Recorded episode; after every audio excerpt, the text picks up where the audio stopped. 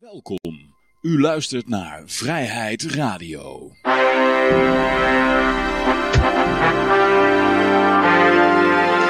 Ja, dames en heren, jongens en meisjes, dit is weer een nieuwe aflevering van Vrijheid Radio. Leuk dat u luistert. We zitten hier gezellig in Café Libertaria met op dit moment Peter. En mijn naam is Johan. Wellicht komen er ook nog andere mensen bij, je weet maar nooit. En uh, ja, en ik ben weer terug van vakantie. Dus uh, nou, laten we het vieren. Uh, ondertussen mensen reageren al in de chat, dat is hartstikke leuk. we geven uiteraard ook weer e-guldens weg, zoals altijd. Oh ja, JF zegt dat... dat, dat zijn naam JF is. Nou, hallo JF, die is ook in de chat. Hartstikke leuk. Het wordt weer heel gezellig natuurlijk. Uiteraard geven we ook weer e-guldens weg. moeten we deze, deze was het. Hartstikke idee. Ik moet echt weer wennen joh. Hoppakee. We geven weer e-guldens weg. alleen dat doen we aan het einde van de uitzending. Dan kom, haal ik het rad tevoorschijn. Als jullie dan nog luisteren, dan kun je van uitroepteken Ron Paul in de chat typen. En dan uh, maakt de winnaar, die heeft een kans op uh, e-guldens. En dat zijn er 20 geloof ik. Ik weet niet meer of het nog van de vorige week te, het goed was. ja, help mij even herinneren. Um, ja, en ik heb uh, deze keer, ik heb een lekker, ik had, ja, heb de hele vakantie heb ik aan de Riesling gezeten. Dus ik ga nou eens een keer aan iets anders. Ik heb een lekkere Bourgogne. Wijn uit de Bourgogne. Pinot Noir uiteraard. En die is hartstikke lekker. Ik kan geen Riesling meer zien. Dus ja, Um, ja, laten we gaan naar de vaste rubriekje. Uh, goud, zilver, bitcoins en de staatsschuldmeter. En uiteraard ook de LP-agenda. Uh, laten we beginnen met, dit zal wel de olie zijn. Die staat op 83,26. En hey, daar hebben we Jan-Mark. Gezellig. Ja, team is weer compleet. Hallo Jan-Mark. Goedendag. Ja, goeiedag. Hoi. Uh, we waren in ieder geval bij de olie. Die staat op 83,26 en die gaat omhoog. En ik hoor al dat die uh, volgend jaar duurder gaat worden. Hè? Dan gaat hij naar 2,40. Uh, dus wij lopen de hele tijd de olie te noemen, maar dat, dat helpt. Er zit geen belasting bij. Nee, dus de overheid zegt gewoon het wordt 2,40 en dan wordt het 2,40. ja, per liter. Dus ongeacht of die... Ja, het, demissionair kabinet, die kunnen je gewoon helemaal uitmelken. Dat, ja, die kun je niet meer wegsturen. Nee nee, nee. Ik hoorde allemaal horrorverhalen dat uh, de benzineprijs zou naar 2,40 gaan. Ja, zoiets. Ja, ja. Oké. Okay. liter. Um, ja, dan hebben we nog, uh, de, dit zal het goud zijn, die staat op uh, 1967,80. Ja, en uh, ja, het zit wel, als je een beetje uitzoomt, een soort opwaartse lijn in. Dus dat, maar ja, dat hangt vanaf hoe ver je uitzoomt, hè? denk ik. Hier zit het dan weer niet. Ja, dat is de cup and handle, zou jij zeggen. Ja, cup and handle, ja. ja, je kan er van alles in zien. Waar je ook van alles in kan zien is natuurlijk de bitcoin. Bitcoin koers, die staat op... Uh, oh, dat is... even kijken hoor, die is nog aan het laden. Uh, die was even flink omlaag gegaan, maar die is nou weer ietsje omhoog gegaan. En die is nou weer een beetje aan het dalen. En het kort die staat nu op 26.339 eurotjes en, of dollar denk ik. En 14 ja. centjes, ja. Dus uh, ja, die kan nog alle kanten op gaan. Hij was even hersteld en nu is hij weer omlaag. Ja, het was weer ETF goedgekeurd. Iedereen weer eventjes uh, in de wolken. Tenminste, ja. niet goedgekeurd, maar mocht niet meer verboden worden. Zo. Oh, oké. Okay. Ja, um, even kijken, ja, dan gaan we naar uh, de, de, de, de, DXY, die hebben we ook nog. Die, oh, klik net weg, maar ik weet uit mijn hoofd dat hij op 103 staat. Dus ja ik heb net het verkeerde tabblad weggeklikt. Maar we hebben ook nog de LP-agenda. Um, ja, even kijken. Iemand die zegt, uh, staatsvijand zegt een uitroepteken Ron Paul. Maar dan moet je pas aan het eind doen als het uh, rattenvolschijn wordt gehaald.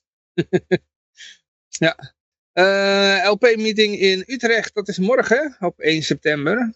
En ja, als je wil weten waar, dan moet je gewoon even naar de stemlp.nl gaan. Naar de evenementen, daar kun je exact de adres vinden. LP Zeeland die heeft ook nog een, een zomerbarbecue. En dat is op, even kijken, 2 september. Dat is zaterdag. Ja. LP Borrel Zuid-Holland, die is er ook nog. Kieskring Rotterdam wel liefst. En dat is op, ook op 2 september. Ja, kun je even naar Zeeland gaan en daarna even naar, naar, nou, naar Rotterdam om daar verder te borrelen. Uiteraard is er ook nog de bijzondere algemene ledenvergadering van de LP. En dat is op uh, 9 september. Dan moet je uiteraard wel lid zijn als je mee wil stemmen. Nou, volgens mij kun je altijd wel komen kijken. En dan hebben we nog de, de module Algemene Introductie Libertarisme. Jongen, jongen, jongen, maak, geef maar een mooie naam aan. Iets op 12 september. Ja. En dan hebben we ook nog op 14 september een LP-borrel in Gelderland. En een LP-borrel in Flevoland. En dat is op 15 september. Nou, dan heb ik voorlopig even genoeg, genoeg genoemd. Als je nog geen uh, genoeg kan krijgen van deze agenda, dan moet je gewoon naar stemlp.nl gaan. Dan kun je helemaal verder scrollen als je dat wil. Uh, maar we gaan even naar het nieuws toe. En uh, ja, laten we met het belangrijkste nieuws beginnen natuurlijk. Van Manders, wat heeft hij nou weer uitgespookt? Die denkt, het zijn verkiezingen. Laat ik maar eens op een lijst gaan staan. maar op welke lijst gaat hij dan staan? De BVNL-lijst. Ja, van Van Haga. Ja is een heel verhaal bij. In het kort is dat dat hij een beetje teleurgesteld was dat de LP in, tijdens de corona, uh, wat het, de lockdown en alles, dat hij een beetje afwezig was. Heeft hij dat gezegd, uh, ja? Ja, hij komt een beetje op, daar komt in het kort op neer. En ja, Van Hagen die liet wel van zich horen. En ja, die heeft zoiets van, nou ja, die heeft in de afgelopen tijd dat de overheid heel tyranniek was, heeft hij wel zijn mond opengetrokken. En ja, ja hij zei ook, Haga dreigt uit de kamer uh, te vallen. Nou, je hoopt dat dat dan lukt met hem uh, ja, om er nog binnen te houden. Hij had ook eh, een keer volgens mij gezegd op Vrijheid Radio, dat ik zat te kijken, dat hij zei dat Van Hagen een libertariër was in zijn visie. En dat het heel goed was dat er een libertariër in de kamer zat. En dat, dat vond hij, Van Haga vond hij eigenlijk een soort van libertariër. Ja, dus, ja. Ja, dat zegt hij zelf ook geloof ik, die uh, Van Hagen. En hij, had, hij had één puntje gevonden in het partijprogramma dat niet zo geweldig was. En dat was een sociale dienstplicht. En daar had hij wat uh, van oh. gezegd. En dat was inderdaad veranderd. Oké. Okay. Maar ja, andere, Kijk, uh, andere minpuntjes zijn natuurlijk wel dat die, hoe heet die nou, die gast nou, ja, oh, ik ben zijn naam even kwijt. Die van 50 plus geloof ik, Krol, ja, die, die staat ook op die lijst, ja. Ja, dat wordt wat minder geloof ik. En Krol staat boven Manders op de lijst? Ja, man, dat is een lijst duwer, hè? Oh, duwer. Die, die, kan, die, die komt helemaal niet in de kamer dan. Nee, nee, nee 44. Nee. Nou, dat is kut. Want ik, dat, ja. Ja, maar hij zei ook van, uh, ja, omdat hij naar Amerika aan het emigreren is. Dat, uh, ja, bij de LP moet hij dan nummer 1 gaan staan eigenlijk. Dat ja. kan eigenlijk niet als je, als je het land uitgaat. maar lijst duur kan wel. Ja, maar dat, hier, dit vind ik een beetje jammer. Want kijk, um, kijk, ik heb het liefste dat er overal uh, libertariërs uh, op, uh, op lijsten komen natuurlijk. Maar dat heeft pas zin als je, als je in de Kamer zit. Hè? Ik bedoel, Ron Paul ging ook bij de Republikeinse Partij. Die zei ja, want de Republikeinse Partij is eigenlijk de Libertaire Partij. Maar goed, die zit daar dan. En die heeft dan invloed. Maar als je lijstduwer bent, dan, dan krijg je misschien alleen maar voor elkaar dat, dat er een libertariër erop gaat stemmen. Maar dan denk ik, ja, ik weet niet of dat nou ik heb Verhagen niet zo bestudeerd. Of het nou beter is om op Verhagen te stemmen dan op de LP, lijkt me, lijkt me dan ook weer niet. De LP wil niet veel alle belastingen afschaffen, alleen maar voor uh, nog drie dingen, geloof ik. Voor de hmm. rechtsstaat en de politie en het leger. En uh, ik denk niet dat Van Verhagen zo ver wil gaan. ik geloof wel minder belasting, dat wel. ja, ik wil me voorstellen dat als je inderdaad die, uh, die covid shit was wel heel, heel erg. En dan dan is het wel belangrijk. Ja, ik kan me voorstellen dat het een soort topprioriteit is. Hoewel oorlog denk ik nog erger is. Je zeker moet weten dat een partij tegen oorlogen is. Ja, maar goed, die, die lui die, van, eh, die toen allemaal uh, zo laks waren, die zijn nou toch voor het groot gedeelte ook allemaal weg bij de LP. Die zijn toch het nou, toch? ja, dat dacht ik ook, ja. Ja. En volgens mij is die, uh, die uh, Robert Valentine, die is ook minder laks geworden. Of tenminste, weet niet hoe die in de, in de als LP-lijsttrekker was. Misschien heeft hij niet zo aan het programma bijgedragen. Maar als je die podcast van hem hoort, dan uh, ja, vind ik hem ook best wel uh, oké klinken. Mhm. Ja, maar hoe kan het eigenlijk dat, dat er gewoon uh, zulke foute figuren in de, in de LP zaten, ja, net toen het eigenlijk super belangrijk was dat er, weet je wel, van... Het is heel makkelijk toch? Je kan heel makkelijk lid worden. Ja, maar... je neemt zo'n partij eigenlijk over voor, voor, voor niks, want ja, ze hebben weinig leden. Ja. En uh, dit is geen FVD, zeg maar, de LP. Nee, maar dat, dat, dat, dat, dat, jij, je haalt de woorden uit mijn mond. Want ik, ik had een keer, uh, ik weet niet wanneer ik dat laatst hoorde, bij Willem Engel geloof ik, dat, dat de Binnenlandse Veiligheidsdienst, die, eh, die zaten bij de, die waren nogal betrokken bij de, de CPN. Zelfs bij de oprichting ervan. Ja, ja, ja, die zat in allerlei eh, communistische en socialistische partijen. Dus eh, Ja, op een nou gegeven gaat het waren er misschien ook wat zelfs- ver om een eh, voormalige, ik weet niet eens wie het allemaal zijn allemaal in die tijd, of dat allemaal, om die allemaal te beschuldigen dat ze AIVD zijn. Ja, maar je had, Maar ja. wel zo, je had wel, kijk, je, had, je, had, je hebt libertariërs die helemaal geen probleem hebben met Pfizer en die, die zagen dat juist, en, en met die andere eh, farmaceuten, want die zagen dat van, hé, hey, er was een probleem. Dat is, er is een virus. Maar er is een oplossing en die komt van de vrije markt. En dat is Ja. Pfizer. En eh, Ja. die staan er zo in, zeg maar, hè. En Ja. ik had eh, begrepen, ja, ik ken die man niet zo goed persoonlijk, maar die vorige voorzitter, die was een beetje anti-wappie, had ik begrepen van iemand die, eh, die hem wel wat beter kende.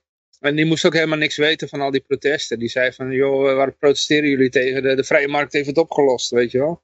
Ja, maar dat Dus, slaat helemaal nergens op. want Het gaat, Nee, om, die lock- het gaat om die lockdowns. Ja. En ik vind het trouwens ook helemaal niet libertarisch dat een, ehm, een Pfizer een deal maakt met een overheid. Ja. Waarbij ze helemaal niet meer verantwoordelijk zijn voor een product. Ik bedoel, dat, dat is toch gewoon wat we vanuit Milton Ja. Friedman en altijd geleerd hebben. Van eh, je hoeft je niet zo druk te maken over dat de slager bedorven vlees verkoopt. Want, want dan willen die klanten daar nooit meer kopen. Maar die Pfizer, die, die hebben gewoon, eh, hun product werd gekocht met belastinggeld. Ursula van der Leyen met, eh, met contract, geheime, ja. sms'jes die, die niet openbaar worden gemaakt. En je wordt niet gevraagd om het te kopen. Hè? Het is niet van eh, de vrije markt heeft een oplossing hiervoor, eh, wil je het Ja. kopen? Nee, je wordt gedwongen het te kopen. Wij hebben het gekocht, jij en ik. Ja. En eh, met af, afge- afgepest geld. Hm. En, en zij hebben gewoon eh, geld gebruikt om mensen om te kopen, zodat ze een contract gingen tekenen waarbij de, de Pfizer niet meer verantwoordelijk was voor eh, als ze een slecht product. Ik, ik zie daar niets libertarisch in eigenlijk. Nee, maar helemaal niks. Dat is net zoiets als het militaire industriële complex. eh, Ja. Die doen een dealtje met een politicus. En dan, en dan, eh, dan krijgen ze daarna een dikke beloning. eh. ja, ik denk dat al die lui die nou de kamer uitgaan, die mogen vast allemaal spreekbeurten gaan geven bij, eh, bij Pfizer voor 100.000 eh, per, per, per spreekbeurt. Maar ik wil in ieder geval nog wel even zeggen, ik, eh, dit is niet, ik, ik weet niet hoe hij er exact in stond. Ik heb alleen maar via via gehoord dat hij een beetje anti-wappie zou zijn. Maar dat is, ik heb niet direct van hem gehoord. Dus Nee, nee. Ja. Ja, nogmaals, goed, het ik is ken uit- verder Kijk, het is, nog, dus, het is eh, nog makkelijker inderdaad. Kijk, bij zo'n partijtje als de LP, hoe makkelijk is het niet om eh, te infiltreren. En eh, ja, ik zeg niet Ja. dat het gebeurd is, maar het is wel heel makkelijk. En ik vond, ik, vond, ik vond het verhaal ook zo slap. Ik dacht dat Rick dat ook zei, of Tom, een van die twee. Van, ja, nee, we- er kon ook niet een voorzitter het podium opklimmen bij een demonstratie, want er was niemand die goed kon spreken. Ja, wat, wat, is, wat, wat, wat is het nou? De voorzitter kan geen, kan geen speech halen, die heeft dat talent niet. Ja, waarom is hij de voorzitter? Ik, ik begrijp het niet, het is echt onvoorstelbaar gewoon. Weet je wel, eh, Nee, dan Ja. stond toch zijn hart er niet achter, denk ik. Eh, dat lijkt me eerder aan de verklaringen. ja. Maar goed, zegt, kijk, eh, zomaar kijken, die zegt nog dat ehm, Sven Hulleman ook nog op de lijst staat bij Van Haga. JF zegt ik wel, maar eh, wat, hij kan wel spreken, of wat Ja, ik ja, wel. Ik kan niet ophouden met spreken misschien. ook, ook af en toe je bek kunnen houden. Eh, Nee, maar goed, Ja, ja. maar wat. Ja. Maar goed, ja, nou ja, eh, het is... ehm, ja, ik had trouwens hier, ik had nog even getweet, maar dat was ook een beetje om, eh, om eh, de LP een beetje te plagen. Van, eh, ik ga op Twan stemmen. Ik, eh, ik zie het wel tegen de tijd dat het eh, verkiezingen is. Misschien stem ik helemaal niet. Misschien stem ik op eh Ton, eh, hoe heet het, Tom van, eh, van Lamone. Dat, eh, ik bedoel, hij is ook een goede, goede vent. En hij was er wel, hè? hij was wel eh, actief tijdens de lockdown. Dus eh, Ja, hij ja. heeft toen eh Amersfoort voor Vrijheid opgericht. Dus eh, Ja, ja. er waren in ieder geval libertariërs die wel wat deden. Dus, eh, Nee, maar ik ga niet op Twan stemmen. Kijk, als Twan nummer twee was achter eh, Van Haga en hij zou in de Kamer komen, ja, dan, dan zou je nog kunnen zeggen van, het- dan heb je wel een, een, een eh, ja, ik weet niet, is, is, hij is wel bijna een anarcho-kapitalist, toch? Twan, mag ik dat niet nou, zeggen? eh, Twan is helemaal. eh. hij is helemaal een hardcore, Ja, die hardcore. Ik denk, eh, Nou ja, goed, als, als, als ik het genoegen mag beleven dat er een anarcho-kapitalist in, in de Tweede Kamer komt, ja, dat, eh, dat vind ik dan nog wel kicken, weet je wel. Mhm. Maar eh, Presidentskandidaat zoals in Argentinië. daar gaan we nog Ja, over hebben. Daar gaan we nog over die hebben. komt, komt hierna. Maar goed, eh, nee, maar, dan, maar als hij op een, nummer, op een onverkiesbare plaats staat, ja, dan ben ik alleen maar eh, de lijst van Haag aan het. eh, en, dan, dan, en dan zit ik naar Henk Krol te kijken. Dat is waar het uite- uiteindelijk op neerkomt. Gewoon. Dus ja. Help Henk Krol de kamer in. Ja. dus, Ik, ik weet het niet, Johan, maar... eh, Maar voor mij, voor mij is dat inderdaad een reden om niet te gaan stemmen. ja, Hoe, hoezeer ik wel van een goede gozer vind. Maar ja, ja, het lijkt wel, het is een vast lieve vent, maar een, een stem op Twan is een stem eh, op Henk. ja, ja. Dat heel, misschien heel veel mensen zoiets hebben van, nou ik had wel op Hagen willen stemmen. Maar toen nummer, die nummer twee zag. We hebben ook iemand, de Filippi, ik ken die vent verder niet. Maar dat zou ook een reden zijn om niet eh, de, de, Die staat hij niet bij die lijst 31? Of was dat weer een andere? Geen idee. Oh. Ik ben er niet Ja. zo mee bezig met de politieke soap. Ja, maar goed, ja. Ach ja, weet je wel. Het is misschien beter dat eh, Van Haga 76 zetels krijgt. Dat wel, maar Ah, dat zal wel uitmaken Terwijl dan. er alsnog in komt. Ja, maar goed. Nee, ja. Kijk, ik, ik ben sowieso... eh, ik, ik, dat strategisch stemmen doe ik sowieso niet. Weet je wel? Ik bedoel, eh, ik het denk meest dat gaat... nou die... eh, ja. Nee. Nou, dat dat die proteststem nou ook allemaal naar die dat de echte controlled opposition gaat van BBB en wat is die Omtzigt? andere club? Ja, Omzicht. omzicht, ja.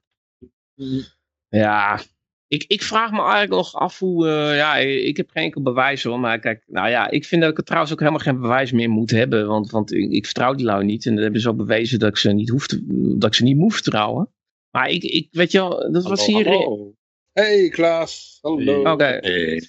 Nee, maar goed, eh, die, die stembiljetten die dan eh, uit die, eh, uit die ongeteld dan uit die stembureaus worden gehaald. En, en dan eh, duiken ze op een gegeven moment weer op. Weet je wel. Ja, dat, dat vind ik allemaal erg funky, moet ik zeggen. Dat, eh, dat is voor mij net zoiets als een eh, lekker wijf en een goochelaar komt, die doet er een doek, doek voor en eh, daarna zit een konijn. Ja, dat, dat, is, dat is voor wat, het, wat dat bij mij oproept. Achteruitgang.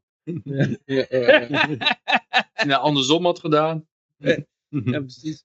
ja, persoonlijk, ik, ik geloof zelf helemaal niet meer in democratie. Dus eh, Ja. Ik heb ook zoiets van, eh, waarom zou ik überhaupt stemmen? Ik bedoel, het, het maakt, maakt eigenlijk niet uit wie er in een torentje komt. Uiteindelijk doen ze allemaal hetzelfde als... eh, Nou ja, als, de LP, doet, als, eh, als de ja. LP 76 zetels krijgt, ja. dan gaat Dan, het wel dan is er wel wat in de hand eh, aan de hand. ja, het nee, nee, kijk, kijk, kijk, kijk, kijk. Stel, de LP die, die, die heeft 75, misschien wel eh, 300 zetels of zo. Weet je wel? Dan, eh, kom je, er komt iemand van ons in het torentje. En, eh, maar die heeft met diezelfde lui te maken met al die eh hoge ambtenaren die hem eh, komen vertellen wat er moet gebeuren. Eh, de EU die zegt van nou ja, dit moet er gebeuren. Eh, er komt nog een agenda-rechtszaak die zegt nou jongens, jullie moeten je hier aan houden. Ja, Maar Johan, Eh, dan is, dan is er toch geen geld? Als je zegt van eh, de belasting is vrijwillig vanaf vandaag. En, en ze komen allemaal om geld. dan ook nog door Dan, de dan, dan is er geen geld, Johan. Ja, ja, Dus ja. de maar- EU die kan langskomen, agenda kan langskomen. ja. Ze kunnen allemaal langskomen. Ja, ja, het is vrijwillig. Dus eh, Maar dan eh, gaan die, die D66 waarschijnlijk, rechters waarschijnlijk eh, Die iedereen aanklagen. En, eh, ja, dan doen ze dat maar. Dan doen ze dat maar. Gewoon, prima. Die, die dan de, de zeespiegel met dr- 300 meter stijgt. En dat er gewoon duizend miljard aan windmolens moet komen. Dan zeg je nou prima, maar dan gaan we, gaan we wel een donatie vragen. Voor eh, duizend miljard aan eh, bossen verbranden en, en bioma. En dan kijken we wel wat we binnenkrijgen. Ja, ja. Hè? Heb ik ook En we kijken ook wel wat we je binnenkrijgen eh, voor die D66-rechters. Daar kijken we ook wel. Daar doen we ook een donatie voor. Voor die Johan. D66-rechters. Maar Klaas wil wat zeggen, jongens. Klaas, vertel. Hey. Ben je nou tegen democratie hoor, dat Johan? nou, dat mag Nee, niet meer. geloof- Dat ik mag geloof- niet meer, hè? Ik, ik geloof niet in de huidige vorm van democratie zoals het hier is. Het eigenlijk Ja, helemaal niet uitmaakt wat je, wat, je, wat, je, wat je stemt. Ik bedoel, ze doen toch... eh, want ik, ik, had, ik, ik noemde even een paar dingen op. Hè. De EU die zegt van, nou je moet dit doen, de agenda Ja. dat je dat moet. En dan, dan houdt het nog niet op. Dan heb je ook nog allerlei eh, grote bedrijven en eh, Nederlandse bank die langskomt en dan zegt, jongens, dit is de agenda. En als je zegt van, ja, fuck you. Dan hebben ze nog een leuk videootje van de moord op Pim Fortuyn vanuit een hoek gefilmd die je nooit eerder gezien had. Waarin in één keer Mhm. duidelijk is dat die, eh, die gozer, die Volker van der Graaf, helemaal niet eh, kon schieten. Weet je wel? En dan eh, zeggen ze, heb je nog vragen? Ja. Maar je je, wel, Maar kijk, dat het, het grootste probleem is representatieve democratie natuurlijk. ja, ja, ja. Er zit er niks mis mee dat jij met andere mensen samen beslist wat er met jou gebeurt. ja, nee, dat klopt. Heel veel dingen werk je mee samen en dat is heel normaal. En democratie op zich is prima. Maar het is inderdaad dat je, ja, je laat een paar vreemden, laat je namens jou optreden. Nou, en dan hoop je maar dat, het, eh, dat er wat goeds uitkomt. En dat Ja. is waar het misgaat. Want zij hebben geen reden om het goed te doen. Dat zie je ook. Hè? Als je in Nederland uh, niet doet wat je belooft. Nou, in sommige opzichten kan het slecht voor je aflopen, maar niet in de politiek. Dan mag je gewoon alles beweren en uh, anders doen uh, wat je, hoe je het maar ziet, goed ziet. hoe je maar dunkt, zeg maar. Ja, ja. En dat is ook ja, waar het dan misgaat. Want tijdens de verkiezingen, dan moeten ze, in zoverre je daarin gelooft natuurlijk, maar dan moeten ze aan jou verkopen. En dan verkopen ze jouw stem. Maar Mhm. daarna, ja, dan, uh, jij hebt je werk gedaan. Dus dan is er geen reden meer om nog uh, iets voor jou te doen. Dus dan uh, is het tijd om hun positie te verkopen. En dan, ja, als individu heb je dan heel weinig uh, in te brengen. Dus helemaal geen reden om dan naar jou te luisteren. En uh, zelfs als je niet doet wat je belooft, en uh, dan, dan nog word je daar niet, eigenlijk niet echt voor afgestraft. Je zou nog kunnen zeggen, ja, dan gaan mensen via later ergens anders op stemmen. Ja, dat gebeurt al vaak niet. Maar eigenlijk zou, ja, zou je meteen straf moeten krijgen. Je doet niet wat je belooft, zou eigenlijk naar de rechter moeten gaan. ja. je, bent het, je vertegenwoordigt mij en ik heb jou, je, je belooft iets te doen, maar je doet het niet. ja. Maar dat zo werkt het niet. Dus uh, maar representatieve democratie, het is een hele mooie uh, constructie. Want dan, uh, anders moet je allemaal individuen moet je overtuigen met de kwaliteit van je dienst. En nu kun je gewoon uh, één ambtenaar of één. Uh, vaak hoef je maar één iemand te kopen en de rest stemt gewoon mee. Dat is wel het mooie van grote partijen. Ja, ja. Maar ook dat hele idee dat je nog. Is, is, is, dat, is dat trouwens verwaterd? Was het vroeger meer zo dat elke zetel een individuele iets was? Dat er, dat, dat was, uh, ja, dat was, uh, dat, zo ging het vroeger eigenlijk. Van, je had een, eigenlijk ja. was iemand een, een volksvertegenwoordiger en op een gegeven moment steeds meer, zijn er steeds meer partijen gekomen. Maar toen was er nog wel ja. zo, en dat staat, ook in de grondbeginselen, dat uh, ieder Kamerlid die moet met, zonder gewetensnood kunnen stemmen, weet je wel. Ja. En dat is eigenlijk tegenwoordig is dat helemaal niet zo, want je hebt een partijdiscipline.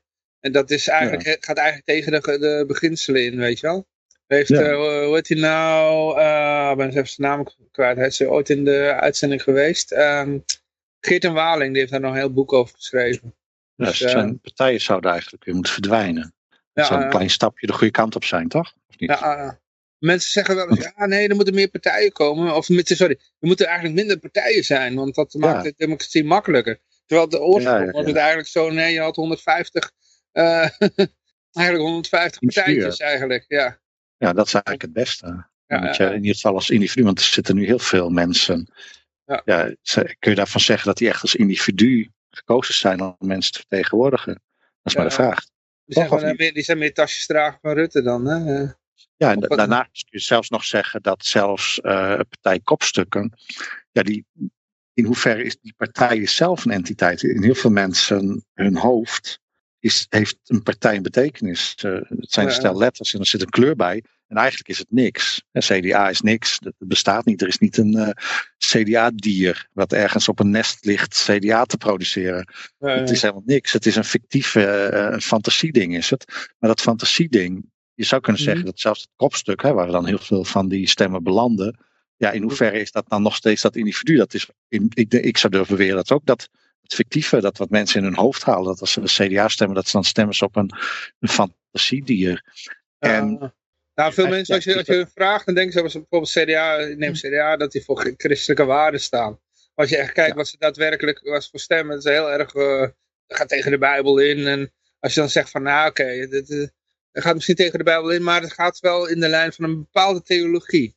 En die hoeft niet altijd 100% met de Bijbel overeen te stemmen. Nee, er is geen enkele theologie die het stemgedrag van de, van de CDA ondersteunt, weet je wel. Ze zijn heel erg voor oorlog, uh, voor dienstplicht, voor uh, ja. van alles en nog wat. En tegenwoordig zijn ze heel erg verwaterd in de christelijke moralen ook nog. Want uh, ze willen ook met hele regenboog shit meedoen. Dat dus ja. toestaan van die partijen, dat is eigenlijk, waar, dat is eigenlijk een fout. Een fout, ja, niet dat representatieve democratie op zich een wenselijk eindstation is voor, vanuit de libertaire gedachtegoed. Ja, maar het is zeker, het is al een verarming. En eigenlijk zou dat, dat ga je ook niet terugdraaien. Maar als je, ik denk, het is zeg maar die abstractie. Mensen hebben abstractie nodig, zodat ze, dat het, het is geen diefstal, maar belasting. En het is uh, niet een vreemde met eigen belangen, maar een politicus. Al die, en die partij die doet daar nog een schepje bovenop. Door die partij daar creëer je iets wat nog verder los staat van het individu, waardoor je nog meer abstractie hebt. Nog meer woorden waar je zeg maar een emotie aan kon koppelen die Ja. alleen in je hoofd bestaat en niet in het echt. En dat maakt, dat maakt het wel mooi. Want ik denk als de partijen niet zo zijn, dan zou je echt op een individu moeten stemmen. Nou, dan krijg je, en nu- natuurlijk bestaat het wel, hè, mensen hebben fans. En eh, Wilders heeft ook heel veel fans, dus mensen vinden het geweldig. En zo, dat zou, het zou nog steeds wel bestaan, maar dan zou je er meer bewust van worden. En ik denk dat er dan ook heel veel mensen, want stel voor dat er 150 eh, zetels zijn, ja, op een gegeven moment houdt het wel op. Er zijn misschien een, eh, eh, de meeste mensen weten van vijf eh, de naam uit het hoofd. Maar op een gegeven moment kom je toch echt wel op het stukje van de lijst van ja, wie, wie vertegenwoordigt deze persoon nog? Ja, ja. En ik denk dat dat heel verhelderend zou zijn. Dus aan de ene kant denk ik niet dat de partij, als de partij zou verdwijnen, dan neem je wat abstractie weg. Dan denk ik nog steeds dat je cultussen rond personen, en dan zou je misschien wat meer individuen die nu helemaal niet in de politiek krijgen, zou je dan misschien in de politiek krijgen. Maar ik denk dat het wel zou helpen om dan, zeg maar, die, eh, ja, dat heel eigenaardig is dat daar bij de 150 mensen zitten. Ik weet zeker dat heel veel mensen dus zitten. Ja, wat moeten die daar eigenlijk? Of niet? Ja, ik, Ja, ik heb ja, dat ja. bij iedereen. Maar ik kan me zo voorstellen dat het een soort spectrum is. Waarbij heel veel mensen dat deel ook hebben. Die zeg maar, wat ik bij elke politicus voel. Dat ik kan me voorstellen dat sommige mensen dat toch bij een deel van die mensen ook moeten voelen. Ja, ja, ja. Va- het is Ja, het, is je- een, het is volgens mij weer een extra lager tussen. Wat, Ja. je, wat je het liefst hebt, het is ehm, steeds meer lagen ertussen. Dus in Amerika hebben ze dan, ja, je, je kiest voor zo'n eh, eh, kandidaat, maar dan komt er een electoral college. En die electoral college die zendt dan een delegatie af en die moet dan een president kiezen. Maar die kunnen ook een andere delegatie af, eh, delegator sturen. Dat zijn allemaal van die zogenaamde maatregelen om te voorkomen dat domme, domme kiezers een, een tiran kiezen en zo. Maar hier is dat denk ik ook zo. Die, je hebt de parlementsleden en dan heb je opeens een partij erbij zitten. En die partij is weer een nieuw laag van eh, collectivisme bovenop. eh. ja, en die moeten dan weer stemmen. En, en zo heb je, als je maar genoeg lagen hebt, dan wordt het zo manipuleerbaar dat het eigenlijk helemaal niet meer uitmaakt. eh, wie er allemaal in die, eh, wie, wie, de, wie de eerste keuze is van de mensen. Ja, ja, maar het is hier het ook Twan Manders gehad trouwens. Ja, dat, dat, die hadden we net achter de rug. We gingen naar de volgende toe. Maar ik Ah, weet niet of jij er nog wat over wilde zeggen. Nou, ik weet niet, wat was de consensus voor jullie? Eh, dat wij, de- ja, in ieder geval, eh, wat ons, eh, of in ieder geval mij ervan weerhoudt, is eh, dat er Henk Krol op de tweede plaats staat. Ja. Ja, dan heb ik zoiets van, eh, straks stemmen we, stemmen we Henk Krol nog de Kamer in. Ja. ja, ik heb, eh, als je ja, heel simplistisch gezegd, zou je eh, om twee re- redenen mee kunnen doen aan de verkiezingen. En ik denk eh, de reden waarom de LP meedoet, eh, de hoofdreden is eigenlijk, zou moeten zijn dat je mensen, dat het een platform kan zijn waardoor mensen kennis maken met het libertarisme. Want ehm, ja, we hebben nog het eh, sociale platform, nog de financiële middelen om eh, zeg maar te gaan oogsten. Ik heb er vanmiddag ook nog over gesproken. Kijk, zelfs als er in de maatschappij zeg maar een soort behoefte ontstaat aan meer vrijheid, dan nog is dat, dat wordt dan vanzelf zeg maar een overbeviste vijver. Ik, ik, ik weet zeker dat er mensen in de PvdA zijn die zeggen, ja, wij zijn de partij van de individuele vrijheid. en, en er zitten mensen bij de VVD die zeggen, ja, kom, we poetsen die V van vrijheid, die poetsen we weer eens af.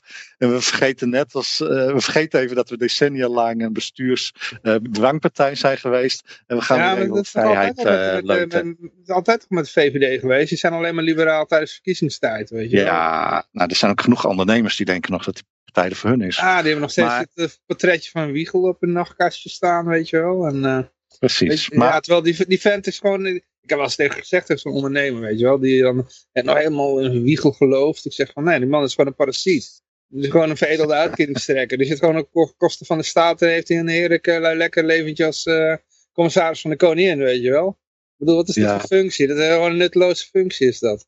ja, ik kan het niet. eh, ik, eh, ja, ik, ik vind het logisch dat je dat doet. Als je dat, die kans krijgt, ja, waarom zou je het niet doen? Ja. Maar, dus dat is één reden. En ik denk dat de LP daarin slaagt. Want toch af en toe, en ik heb het gevoel dat het bij lokale verkiezingen sterker is dan landelijk. Landelijk denk ik dat je bijna verdwijnt ja, ja. uit, eh, uit het geheel. Maar lokaal, ja, dat, dat wisselt misschien. Maar ik, ik vond in Leeuwarden hebben we best wel eh, veel eh, exposure gehad. We Hmm. konden overal meedoen. We zaten ook in die kieswijzers. Mensen konden je standpunten lezen. Je zat in de krant. bij- ja, wie leest de krant? Maar er waren evenementen en daar kon je gewoon meedoen. En dat, ik, ik vond het wel heel effectief. De andere kant waarom je meestal doen, dat je echt bestuurlijke macht wil.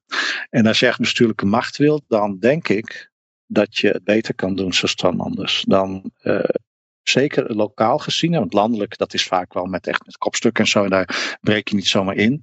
Maar uh, lokaal gezien, zoals de gemeenteraad en in uh, mindere zin misschien de provincie, dat is echt wel een beetje de Jostie-band van de politiek. Dat heb ik al eerder zo genoemd. En daar, ja, als je gewoon een beetje verstandig bent, nou, ze willen heel graag gewoon verstandige kandidaten hebben. Ik heb wel meegemaakt dat ik bij zo'n politieke bijeenkomst kwam en dat mensen liever uh, met mij praten dan met hun achterban.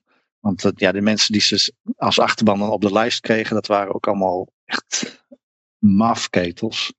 En het was vaak zo dat er in één partij, stel voor dat er tien mensen op de lijst stonden, was er eigenlijk vaak maar één. Dat was dan ook de lijsttrekker. Die, dat was ook de enige die zijn mond open mocht doen. En ja, die mensen die gingen ook wel benaderen van ja, wil je niet bij ons op de lijst? Want ze staan echt te springen om mensen met enigszins uh, werkend verstand om daar ook aan mee te doen. En dat ja. verschilt per partij natuurlijk. Het is niet uh, overal even. Uh, maar sommige partijen, ja, daar is het vanaf nummer twee of lager. Dat wordt echt, is echt huilen. Dus als je politieke macht wil, dan zou ik zeggen, ga naar een andere partij. En sorry, lokaal zeker, als libertariër komt op een verkiesbare plek. De meeste libertariërs zijn over het algemeen vrij verstandige mensen. Mm -hmm. En uh, het vereist toch een enige. Ja, je moet, uh, ik, ik, denk om libertariër te zijn, moet je een voorstelling kunnen maken van iets wat niet bestaat. Uh -uh. Nou, dat vereist al vaak uh, bepaalde vaardigheden. En ja, als je dan aan je gedachtegoed vast kan houden, dan kun je daadwerkelijk wat doen. Ik, heb, ik ben wel naar vergaderingen geweest van linkse partijen.